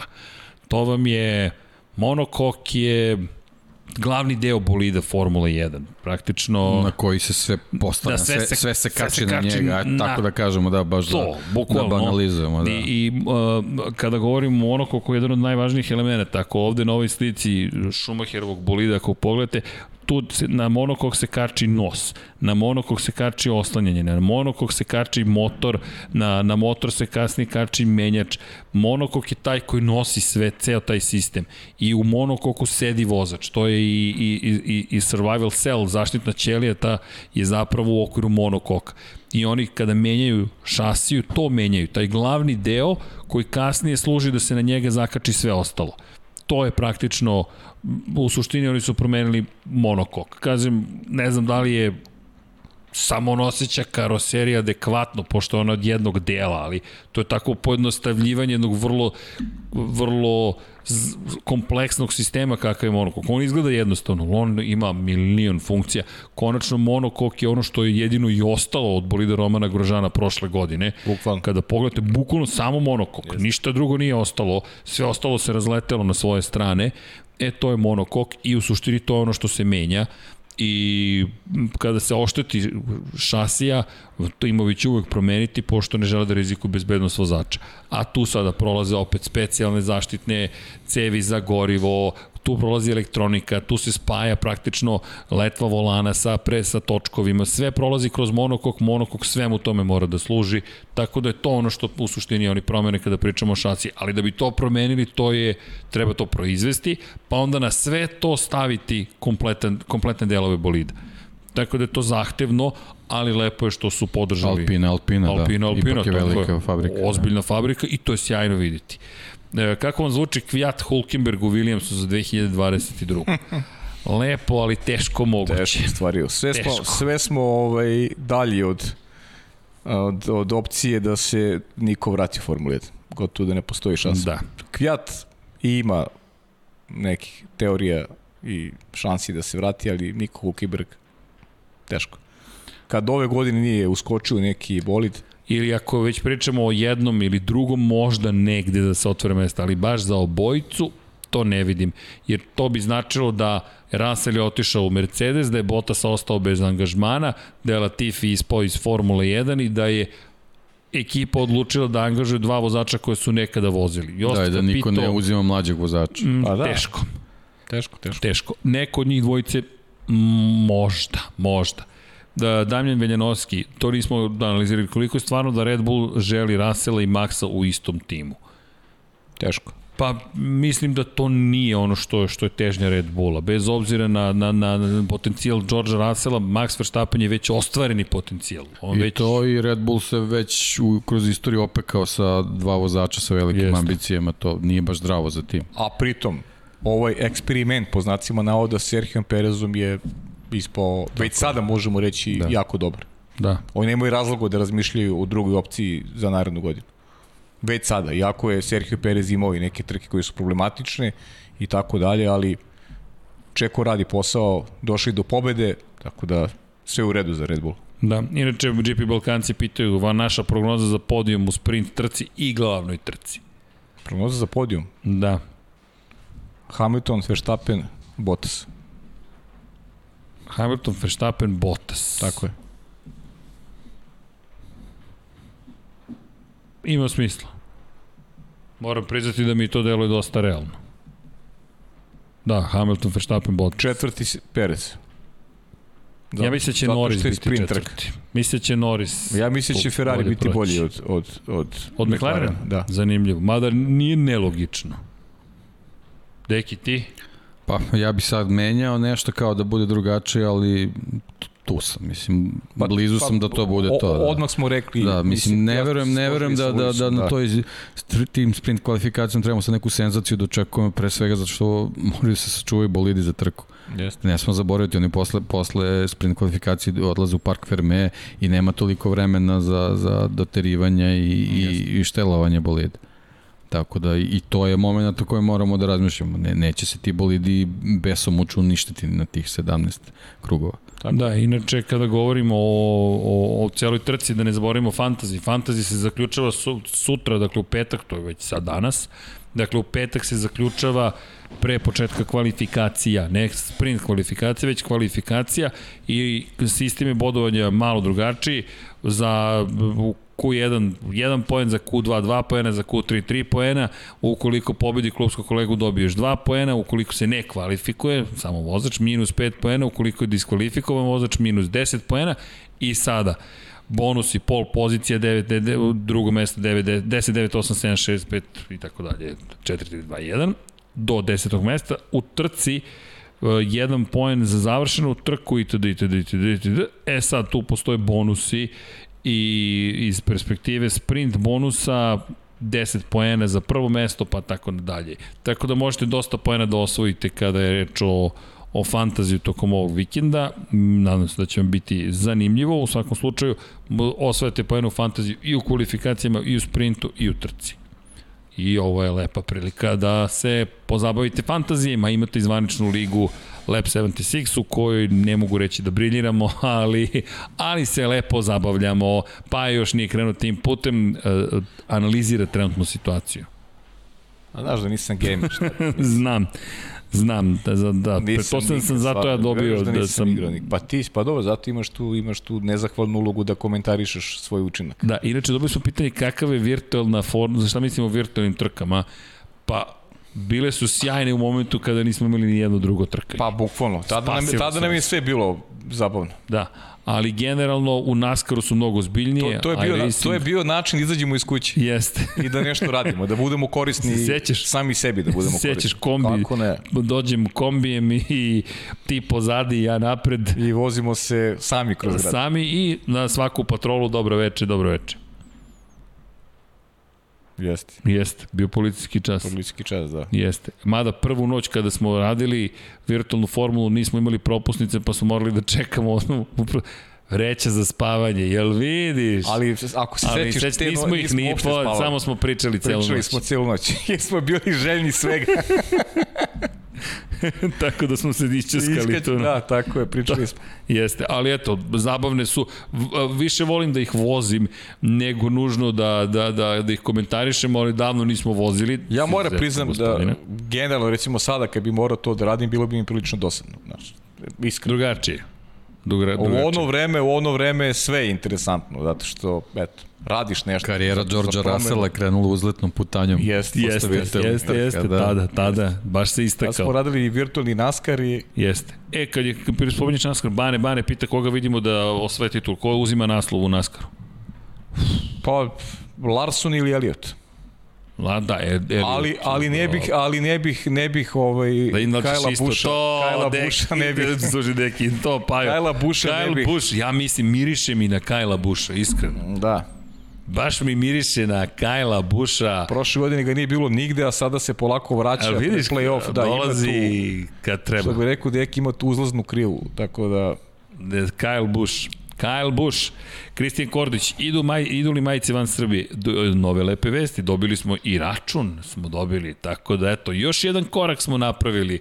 Da, da, Dom Pablo možda nije informisan, ali dobili smo i račun u banci koji možemo da spojimo sa Payment Gatewayom koji je u fazi testiranja, pa kad nam odobre kart, kartičari, bankari i svi koji se bave time, još to je ostalo da nam sertifikuju sajt i onda smo pobedili a onda imamo prodavnicu full, isporučujemo gde god hoćete, šta god hoćete, i tako dalje. A ima nekih novih stvari koje nam stižu za prodavnicu i tako. Koji su vaši favoriti u MotoGP-u za osvajanje šampionata? Pa to Pa vas dvojica. tabela pokazuje Pa sve. to je Quartararo i Quartararo, Ducatije. tri Ducatija i Marquez i to je to. Marquez to je ono na Pa nivou dobro, da. da. priče nemoguće ali koja sa njim u Ali pričat ćemo posle Red Bulla da li je tu. Da. Posle Red Bull ringa. Red Bull ring, ringovi. Ringova, da. Pres, to, Ma, u stvari prvi, pa prvi će već pokazati Da, ali, ali, kakva ali je forma u pitanju. generalno ta te dve trke su kritične. Kako ste odigrali Fantasy Silverstone? Luka, ništa ja ne, ne, ne diram u Ne fantaziju. diramo i kako krenemo u sezonu. Tako je, kod mene imamo, imam dve ekipe u, u, u Sve što sam menjao timu. pogrešio sam, To, tako to, da to. ne diramo. Meni su Leclerc, Perez, Sainz, istim igračima Schumacher. Russell i Mercedes. Meni Hamilton, su Verstappen, Leclerc, Norris, Russell i ne znam. pa ti bi trebalo se. budeš među prvih deset. Pa nisam. Zbog Leclera. Ne I znam, zbog ma Ma Maxa ne, na ima, početku. ima, Da. ima I Mazepin zbog mu je peti. Bakova. Nije, Russell mi je peti, ne mogu setiti ko mi je četvrti. A tim? Tim Red Bull. Hm, Pa ti bi baš trebalo da budeš dobar, ali Pa dobro. dobro. dobro, nije to baš bilo u početku, kažem te, i Baku. E, da. Maxa. Jeste. I jednu stvar smo zaboravili, Dom Pablo mi reče na početku, Sam Bird vodi u šampionatu Formule E, a još dva trkačke vikenda do kraja. Samo da napomenu pobedio na drugoj trci u New York City ili ti gradu New Yorku. Baš me Boris Trutin pita ovaj, šta je sa Formulom E. E, bori se, tu je Maximilian Ginter slavio pobedu u prvoj trci, tako da bilo uzbudljivo, ali opet nešto dobacuje Dom Pablo, ja nisam siguran šta, ali opet kada govorimo o Formuli E, taj uopšte moment da, da se takmiče u Njujorku i to nešto što je želela Formula 1 je ono što donosi zapravo da kažemo dodatnu priču u svemu. Jer Jeste, ali nekako mi tu nedostaje, ako su već htjeli da idu neki glamur, nedostaje mi priča, ne znam s čim bi to mogu da uporedim, kao, kao Red Bull Air Race. Ti kad, kad to gledaš, ti imaš tu neku scenografiju, imaš neki glamur, ne, neku ekskluzivnost. Meni, ne znam, ove trka u Njujorku mi izgleda kao da voze nekom parkingu, nekog tržnog centra. To sam htio ti kažem, da, Mislim, da ne- nisu iskoristili dovoljno. Nemaš, da, ti nemaš utisak da je to tu ima, postoji nekih par kadrova ovaj, iz vazduha i kao imaš utisak gde si, ili generalno ograde su one prevelike, naravno sad i publike je slabo i sve, nije, nije to taj utisak koji bi trebalo da ostavi ako već voziš na takvim mestima. Eto, to je, to je nešto čim bi trebalo da se pozabaviti. Mislim, kapiram da to sigurno odloče dosta sredstava i tako dalje. Nisu oni baš ogromni sa budžetima, mislim razvijaju se, ide to, to kad, kad, kad nekom u ovaj toku da, da tu bude dosta novca u igri, ali trenutno, Mislim da si- trenutno utisak nije taj. Recimo, kao trke u Rimu, one, one su izgledale fenomenalno. Odlična je i režija bila i kadrovi su jeste. super. Berlin, Tempelhof na aerodromu, onako to, to dosta dobro. Sledeći je London, inače pa Berlin. E, ali, ali ovaj, New York mi je onako baš nekako... Neiskorišćen. Da, da, da. Ti, Pa i Monako je bio sjajan. Da. Monako je bio sjajan. sjajan. Monako je zato što to Trkanje, poznaješ pravo i to je to. da. I, i, I trebali bi da idu na, na tu temu, da, da kače, ako već moraju da budu ulične trke zbog kapaciteta i tako dalje, bar da, da kače te neke detalje koji su ljudima prepoznatljivi da bi ih na taj način privukli. Kažem, ovako, jeste New York kao New York, od New York nema apsolutno nikakvu tradiciju vezano za, za auto trke i ti se tamo to ništa ne prepoznaješ. Formula 1 želi da, jednostavno. da, da, da se promeni, Da, ali da, to je da, zapravo obala New Jersey gde, gde, gde, Pa gde da, pokušavaju da, da sve organizuju. Da, ali to je, kažem, ne, ne, nema, ono, nekako je kao izgledale novine na trafici. Mislim, kao znaš da nešto unutra ima neki sadržaj, ali je spolje, onako se ništa A posebno. Dom Pablo, Dom Pablo ja smo više električari. Banderaši. Kako to zvuči, banderaš? Pa dobro, e, ko zna, pa Vrto, sam- vrtoglavo. vrtoglavo, ali brzo i moćno. Ali, ali činjenice da, da zna da bude baš, baš uzbudljivo. Ko da su ilegalci, ne? Pa vidi, da, da, nismo, ali, ali kad Deki opiše ovako, ispado smo ilegalci, u noći u Njujorku se vozile trke, mada to ne zvuči kao loš naslov. Podsjeća me na Možda trebaju noćne trke 70. da organizuju. Formule je. Pa ja mislim da bi to bilo Pa, da. bolje, iskreno. I da bi, da bi to zapravo, jer, pazi, grad, sami New York, Sa, sa providnim poklopcima motora da vidimo šta se dešava to. Motor, u stvari. Ne znam čega. Ne znam šta se nalazi. Ja se plaši samo da, da publika ne zaspi, znaš. ja, Noćne trci. slušaj, jao. Pa ne, možda bi bilo interesantnije nego... Pa, znaš, ipak vi naš noćna trka i još ne čuješ ništa i dobro, ali Ne, kako čuje se, biste vi u pa noći nije. bez struje? Hm? Kako u noći bez struje? Lagano. ok, znao sam da će to biti taj odgovor i idemo dalje. U svakom slučaju, odvežene trka New York City, pobednik prve trke Maximilian Ginter, pobednik druge trke Sam Bird, inače na pobedničkom postoju Jean-Éric Vernier, poznato ime, kao i Lukas Di Grassi, u prvoj trci, u drugoj Nick Cassidy i na poziciji broj 3 Antonio Felix da Costa, to je Felix da Costa, da, i pet pojena samo razlike između vodeće trojice, inače Bird vodi ispred da Costa i Frinca. Da, sad sam, se, sad sam se nešto podsjetio ove izjave ovaj, Kristina Hornera Uh -huh. vezano za novu generaciju bolida Formule 1 i tako dalje. a, Imao je samo opasku da bi bilo mnogo važno za Formulu 1 da iskoristi ovu priliku i ove promene da se ozbiljno pozabavi pogonskim jedinicama u smislu da mora, kako znaju i imaju, da vrate zvuk koji su imali V8 i V10 motori. Ako to ne uspeju, on je uveren da slobodno sve ekipe mogu da se pakuju i da razmišljaju o strategiji da nastupe u Formuli E. Ili jednostavno Formula 1 sa, sa ovim zvukom koji, koji trenutno, ovaj, ne ovim, ovo je šolja o šolju, Ha, ne tim dobro, zvukom, da, tražimo ali zvuk. sa ovim trenutnim zvukom Živeli koji, kogoda. koji, koji proizvode trenutno pogonske jedinice u Formuli 1 jednostavno magnet za publiku neće postojati. I da je to jako važna stvar o kojoj moraju da razmišljaju. Tako da to je onako lepo trezveno razmišljanje jednog ozbiljnog Pa- šefa u Formuli 1. Pa, kada pog- se vratiš u Abu Dhabi prošle godine, opet onaj moment kada Lewis Hamilton daje intervju i I Fernando, sluša Fernanda Alonso. i Fernando Alonso se pojavi sa Renaultom starim 15 godina u tom trenutku i Hamilton odgovori ovako. Ta fascinacija, ta, taj, taj, taj klinački moment u nama, bio devojčica, bio dečak, čuješ, i ne, radost, strah, radost, uzbuđenje, sve ovako. Bukvalno ovako. I to je ono što zaista nedostaje, slaže se sa Horonom, to moraju da vrate. Kako god znaju i umeju, slažem se. Jer to menja stvari.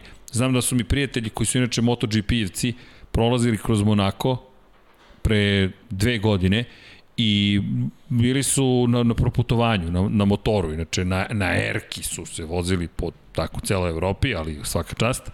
Pozdrav za Aleksandru Ivana i čestitam i na venčanju, a i na detetu. U svakom slučaju, stadoše ljudi u Monako da gledaju Formulu 1. I kažu, ali to nije ono što smo očekivali kada je reč o Formuli 1. Očekivali smo, očekivali smo mnogo uzbuđenja. Za mene, eh, voda, h- hvala. Dakle, Divan si. Molim vas. I bukvalno su rekli kako su očekivali sve osim da ne bude zapravo zvuka. I to je veliki problem. Oni su mot, ljubitelji motociklizma, MotoGP to i dan danas pruža. Kada dođeš na stazu MotoGP-a, sve puca na sve strane. Bubne opne, dijafragme, jednostavno to je uzbuđenje koje, koje ne može da ti Ljudi su se pre eto, 20 i nešto godina zaljubljivali u Formulu 1 tako što su odlazili na stazu i onaj prvi zvuk koji su da. čuli, to je bilo to. To je večna emocija. Tako je. To je to bukvalno... Je, to je. Ja, ja, ja se sećam svog prvog zvuka Formula 1. I kako to sve nestvarno izgleda.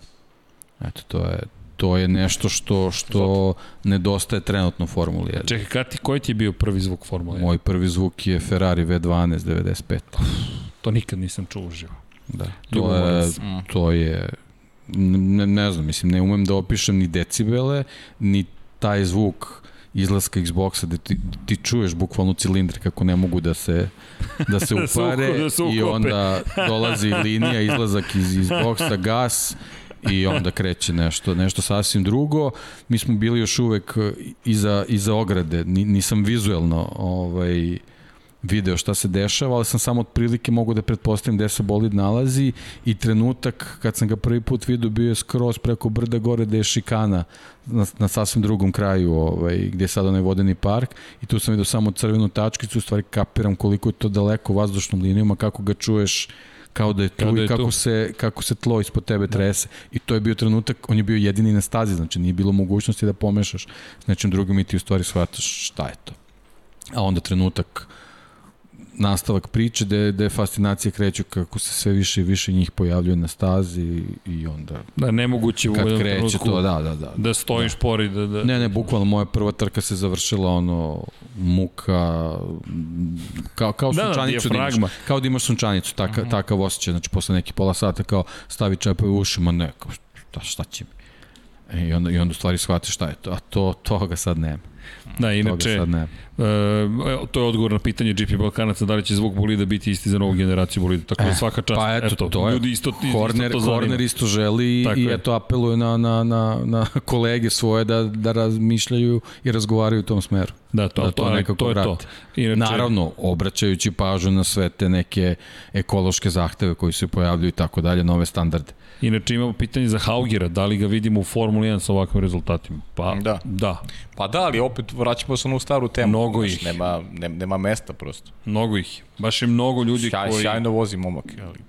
ali mnogo je ljudi i pogotovo u bojama Red Bulla. I ne samo Red Bulla, Ma i to, i tu i pazi, tu postoji moment isporučivanja rezultata u nižim šampionatima, ne mora ništa znači u Formuli 1. Pa naravno. I tu, I tu je u stvari na ekipama da procene ko su ti koji su talenti da, da nastave je. Tako onako kako su vozili u nižim kategorijama. Je... Ne mogu svi da bude, evo pogledajte Mazepina. To je ono što smo pričali prošle godine, deki. Ne znam, mislim da smo se dotakli u podcastima. Pričali smo, Srđan i ja, tokom prenosa. Mnogo je važnije za te skaute, nazovi skaute, da. da gledaju te momke kako se snalaze na stazama na kojima nisu vozili. Da vidiš kako se, važno. kako se ti prilagođavaš. Mnogo je, mnogo je tu nekih elemenata. Tako je. Mnogo važnije od mnogo nekog elemenata. pukog rezultata. Jer, jer tu je recimo Daruvala recimo napravio neke neke, neke lepe iskorake u odnosu na, na, na, na ostale momke pokazao da, da ume da se snađe okolnostima koje mu nisu poznate, recimo. Eto, sad, sad se sjetio, recimo, Daruvale koji je... Da, Daruvale se tu lepo snašao. U, u Muđelu se, recimo, lepo snašao. Da nije Njemu je veći problem kada, je, kada svi poznaju staze. Tako je, tako On je. tu je tako lošiji, je. prosto tako izgleda. Inače, e, da li će ići Porsche Super Cup na, na, na sport klubu? Hoće, hoće. Pa da, mi prikazujemo ide sve, Porsche ide Super sve, Cup. Ide sve ove, ove nedelje. Radili smo i prošle pre dva vikenda u Austriji, tako da nastavljamo da pratimo da pratimo ovaj Porsche Supercup. Je, jesi li siguran da je... Mislim da je sada, da je sada u Silverstonu proveri, ali bi rek, mislim da jeste. Ne bi trebalo da bude Porsche Superkupa. Po proveri, ja mislim da jeste. Ne, ne, Hungaroring je sledeći. Nema, nema ga u Silverstonu. Jesi siguran? 100%. Evo gledam kalendar. A bravo, ne, ne, dobro. Ne, znam, znam da se završava pa možda zbog, zbog znam sprint, da si me zbunio, pa... Možda zbog sprint možda kvalifikacija, zbog printa, pošto malo je nezgodno da, da, ubaciti bravo, ako, ima, bravo, ako imaju jest, i, jest. i devojke i, Uplaši me, ja, i Formula 2. Ja sam ubeđen bio da sam video u rasporedu dima. Uplaši me, pa je. Još ne znam da sam napisao Formula 2, Formula 2, Formula 1 i sad Porsche Supercup. Šta bi? Da, da. Ne, ne, Hungaroring, Hungaroring, pa Spa, pa, zon, uh, pa idemo na Zandvoort, pa idemo da, u Monci, ali dve trke u Monci. Da, da. To, to je kao, kao prošle godine. Ali, ali bit će prenosa. Kada bude, bit će prenosa kao što smo i do sada prenosili. Kad će Vanja ponovo u podcast o Formuli 1? Kad pobedi Ferrari. O, ho, ho, ho, ho, ho, ho. O, dobro, ok, o, tad obavezno, pazi, tad, tad obavezno. obavezno. Pre toga ćemo pre da toga, se govorimo. Pa eto, bude. Mađarska može. Mađarska, eto, može. najavi Mađar, se. E, najava Mađarske može, zato što Ferrari ima šanse tamo. A, Dom Pablo je neverni, neverni Pavle. Ko je po vama talentovani Russell ili Norris? Au, nemoguća Aj, misija. To izraču. Ka, kako se meri to? Da, ne, mislim da, ne znam, Russell deluje kao da ima čistu brzinu, ali prosto Norris je toliko napredao da je to sad već nemoguće. Inače, Big Racing Series, Srđane rado bi se trkali sa tobom u No Assist ligi. Pa naravno, ne, da li postoji druga liga? Samo No Assist. Tako da, dogovorit ćemo se. Inače, e, pitanje da li Đevinaci može da iskoriste u sprint trku za poene? Pa može. Može, Teško. ali po, Teško. ja, ja sam ubeđen da nešto poen? može. Ne za poene u tri trke, ne, nego ne. da, da u glavnoj Aha, trci. Aha, za glavnoj trku. trci, ne. ne, ne, deki, ne, ne, ne.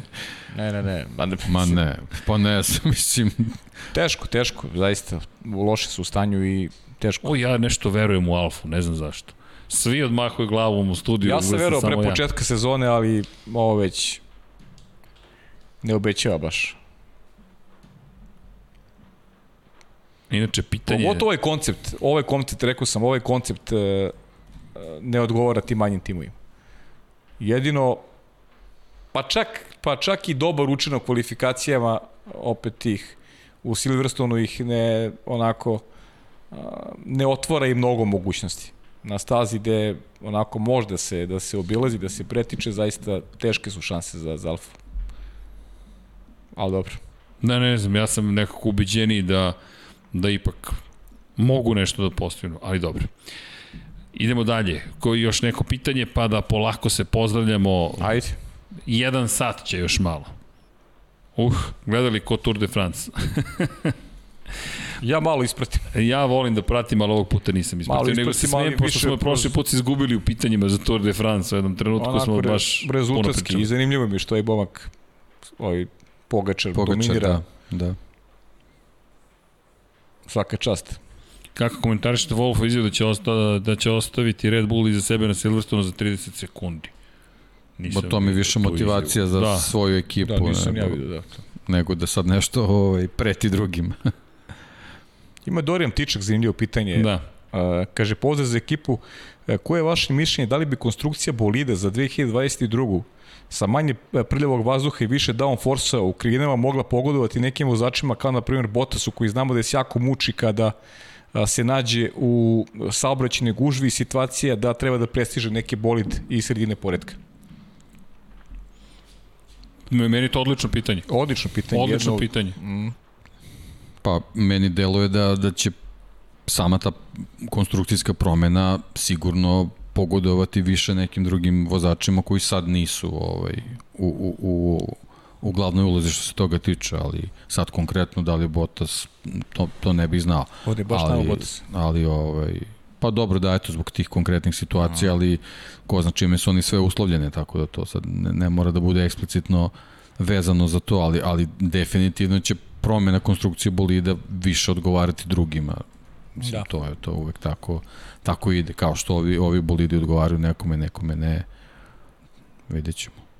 Inače, jedno od pitanja je bilo i za, pretpostavljam Goodwood, ne za Silverstone, koji je motor bio u e, W10 za posetu Goodwood. Esteban Gutierrez i Anthony Davidson su bili prisutni, ali moram priznati da nisam siguran koji je motor. Saznaćemo za sledeće izdanje, pa ćemo da saznamo, ali... Mislim da je Gutierrez vozio iz 2019. čini da, mi se. trebalo mi nešto mi je to u glavi, sad mi izvinjam ja, da ako sam pogrešio. Pa da, ja mislim da su iz 2019. Da, da, da, W10 je sigurno, sad samo da, ne znam da, da. da li je motor bio neki drugi ili nije. A to?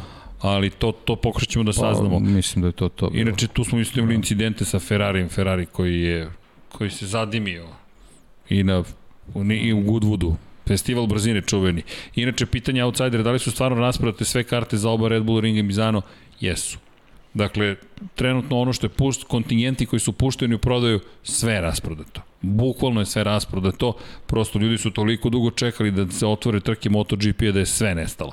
A pogotovo toj priči da, da, da će Rossi možda voziti poslednju trku u, u, na italijanskom tlu, svašte je moguće.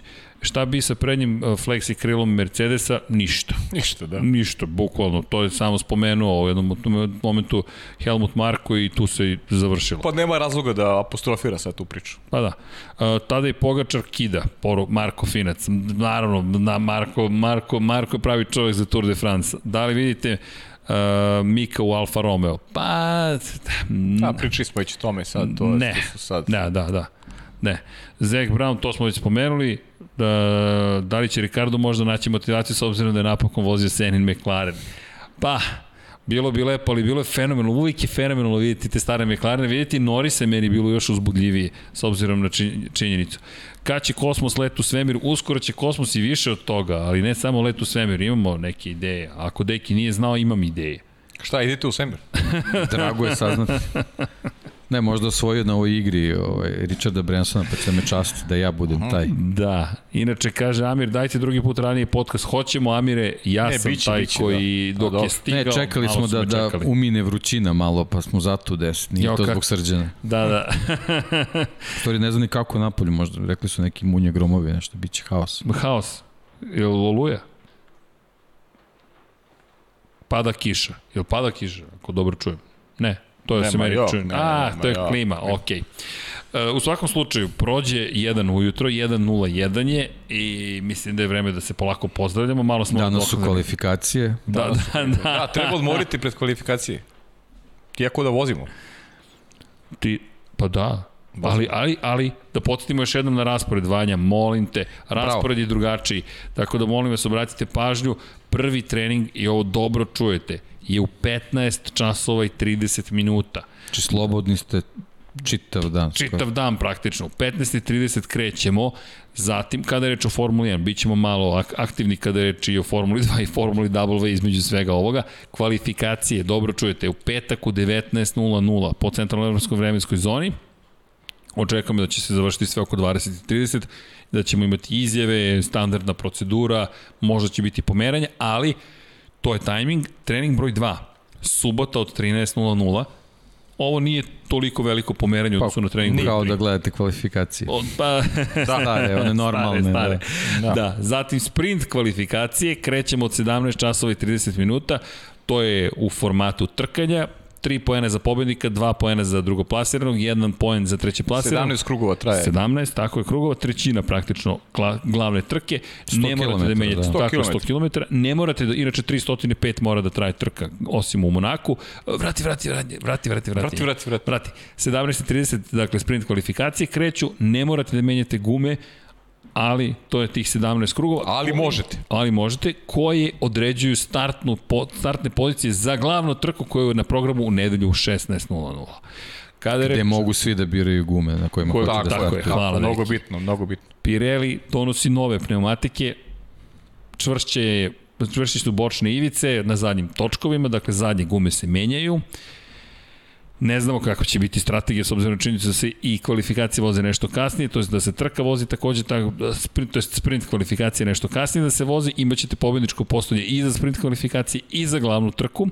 Pored toga imamo novi bolid za 2022. koji je predstavljen. Sutra, to je sada već danas, izlazi igrica F1 2021, pa ćemo da je testiramo pored toga da li sam zaboravio još neko nešto što je, što je potpuno drugačije u odnosu na dosadašnji period, pa, ne. mislim da ne. ne. Velika bitka Luisa Hamiltona protiv Maxa Verstappena, Mercedes protiv Red Bulla, domaći teren za Luisa Hamiltona, nemojte to poceniti, veoma značajno od njegovih najboljih trka u karijeri, rekao bih po kiši u Silverstonu, pre sada već 13 godina, jedna od onih koja se pamti, vidjet ćemo da li ovde može zaista Čečelovski onako da nastupi i da kaže ajmo da uzvrtimo udarac posle pet pobjeda Red Bulla, ukoliko ne, ukoliko Red Bull zabeleže šesti triumf, ušli smo u neku novu, ja bih rekao, večeru. Sir Lewis Hamilton. Da, Sir Lewis Hamilton pred svojom publikom, gde je voli da skoči u publiku i očekuje se oko 300.000 ljudi tokom ova tri dana.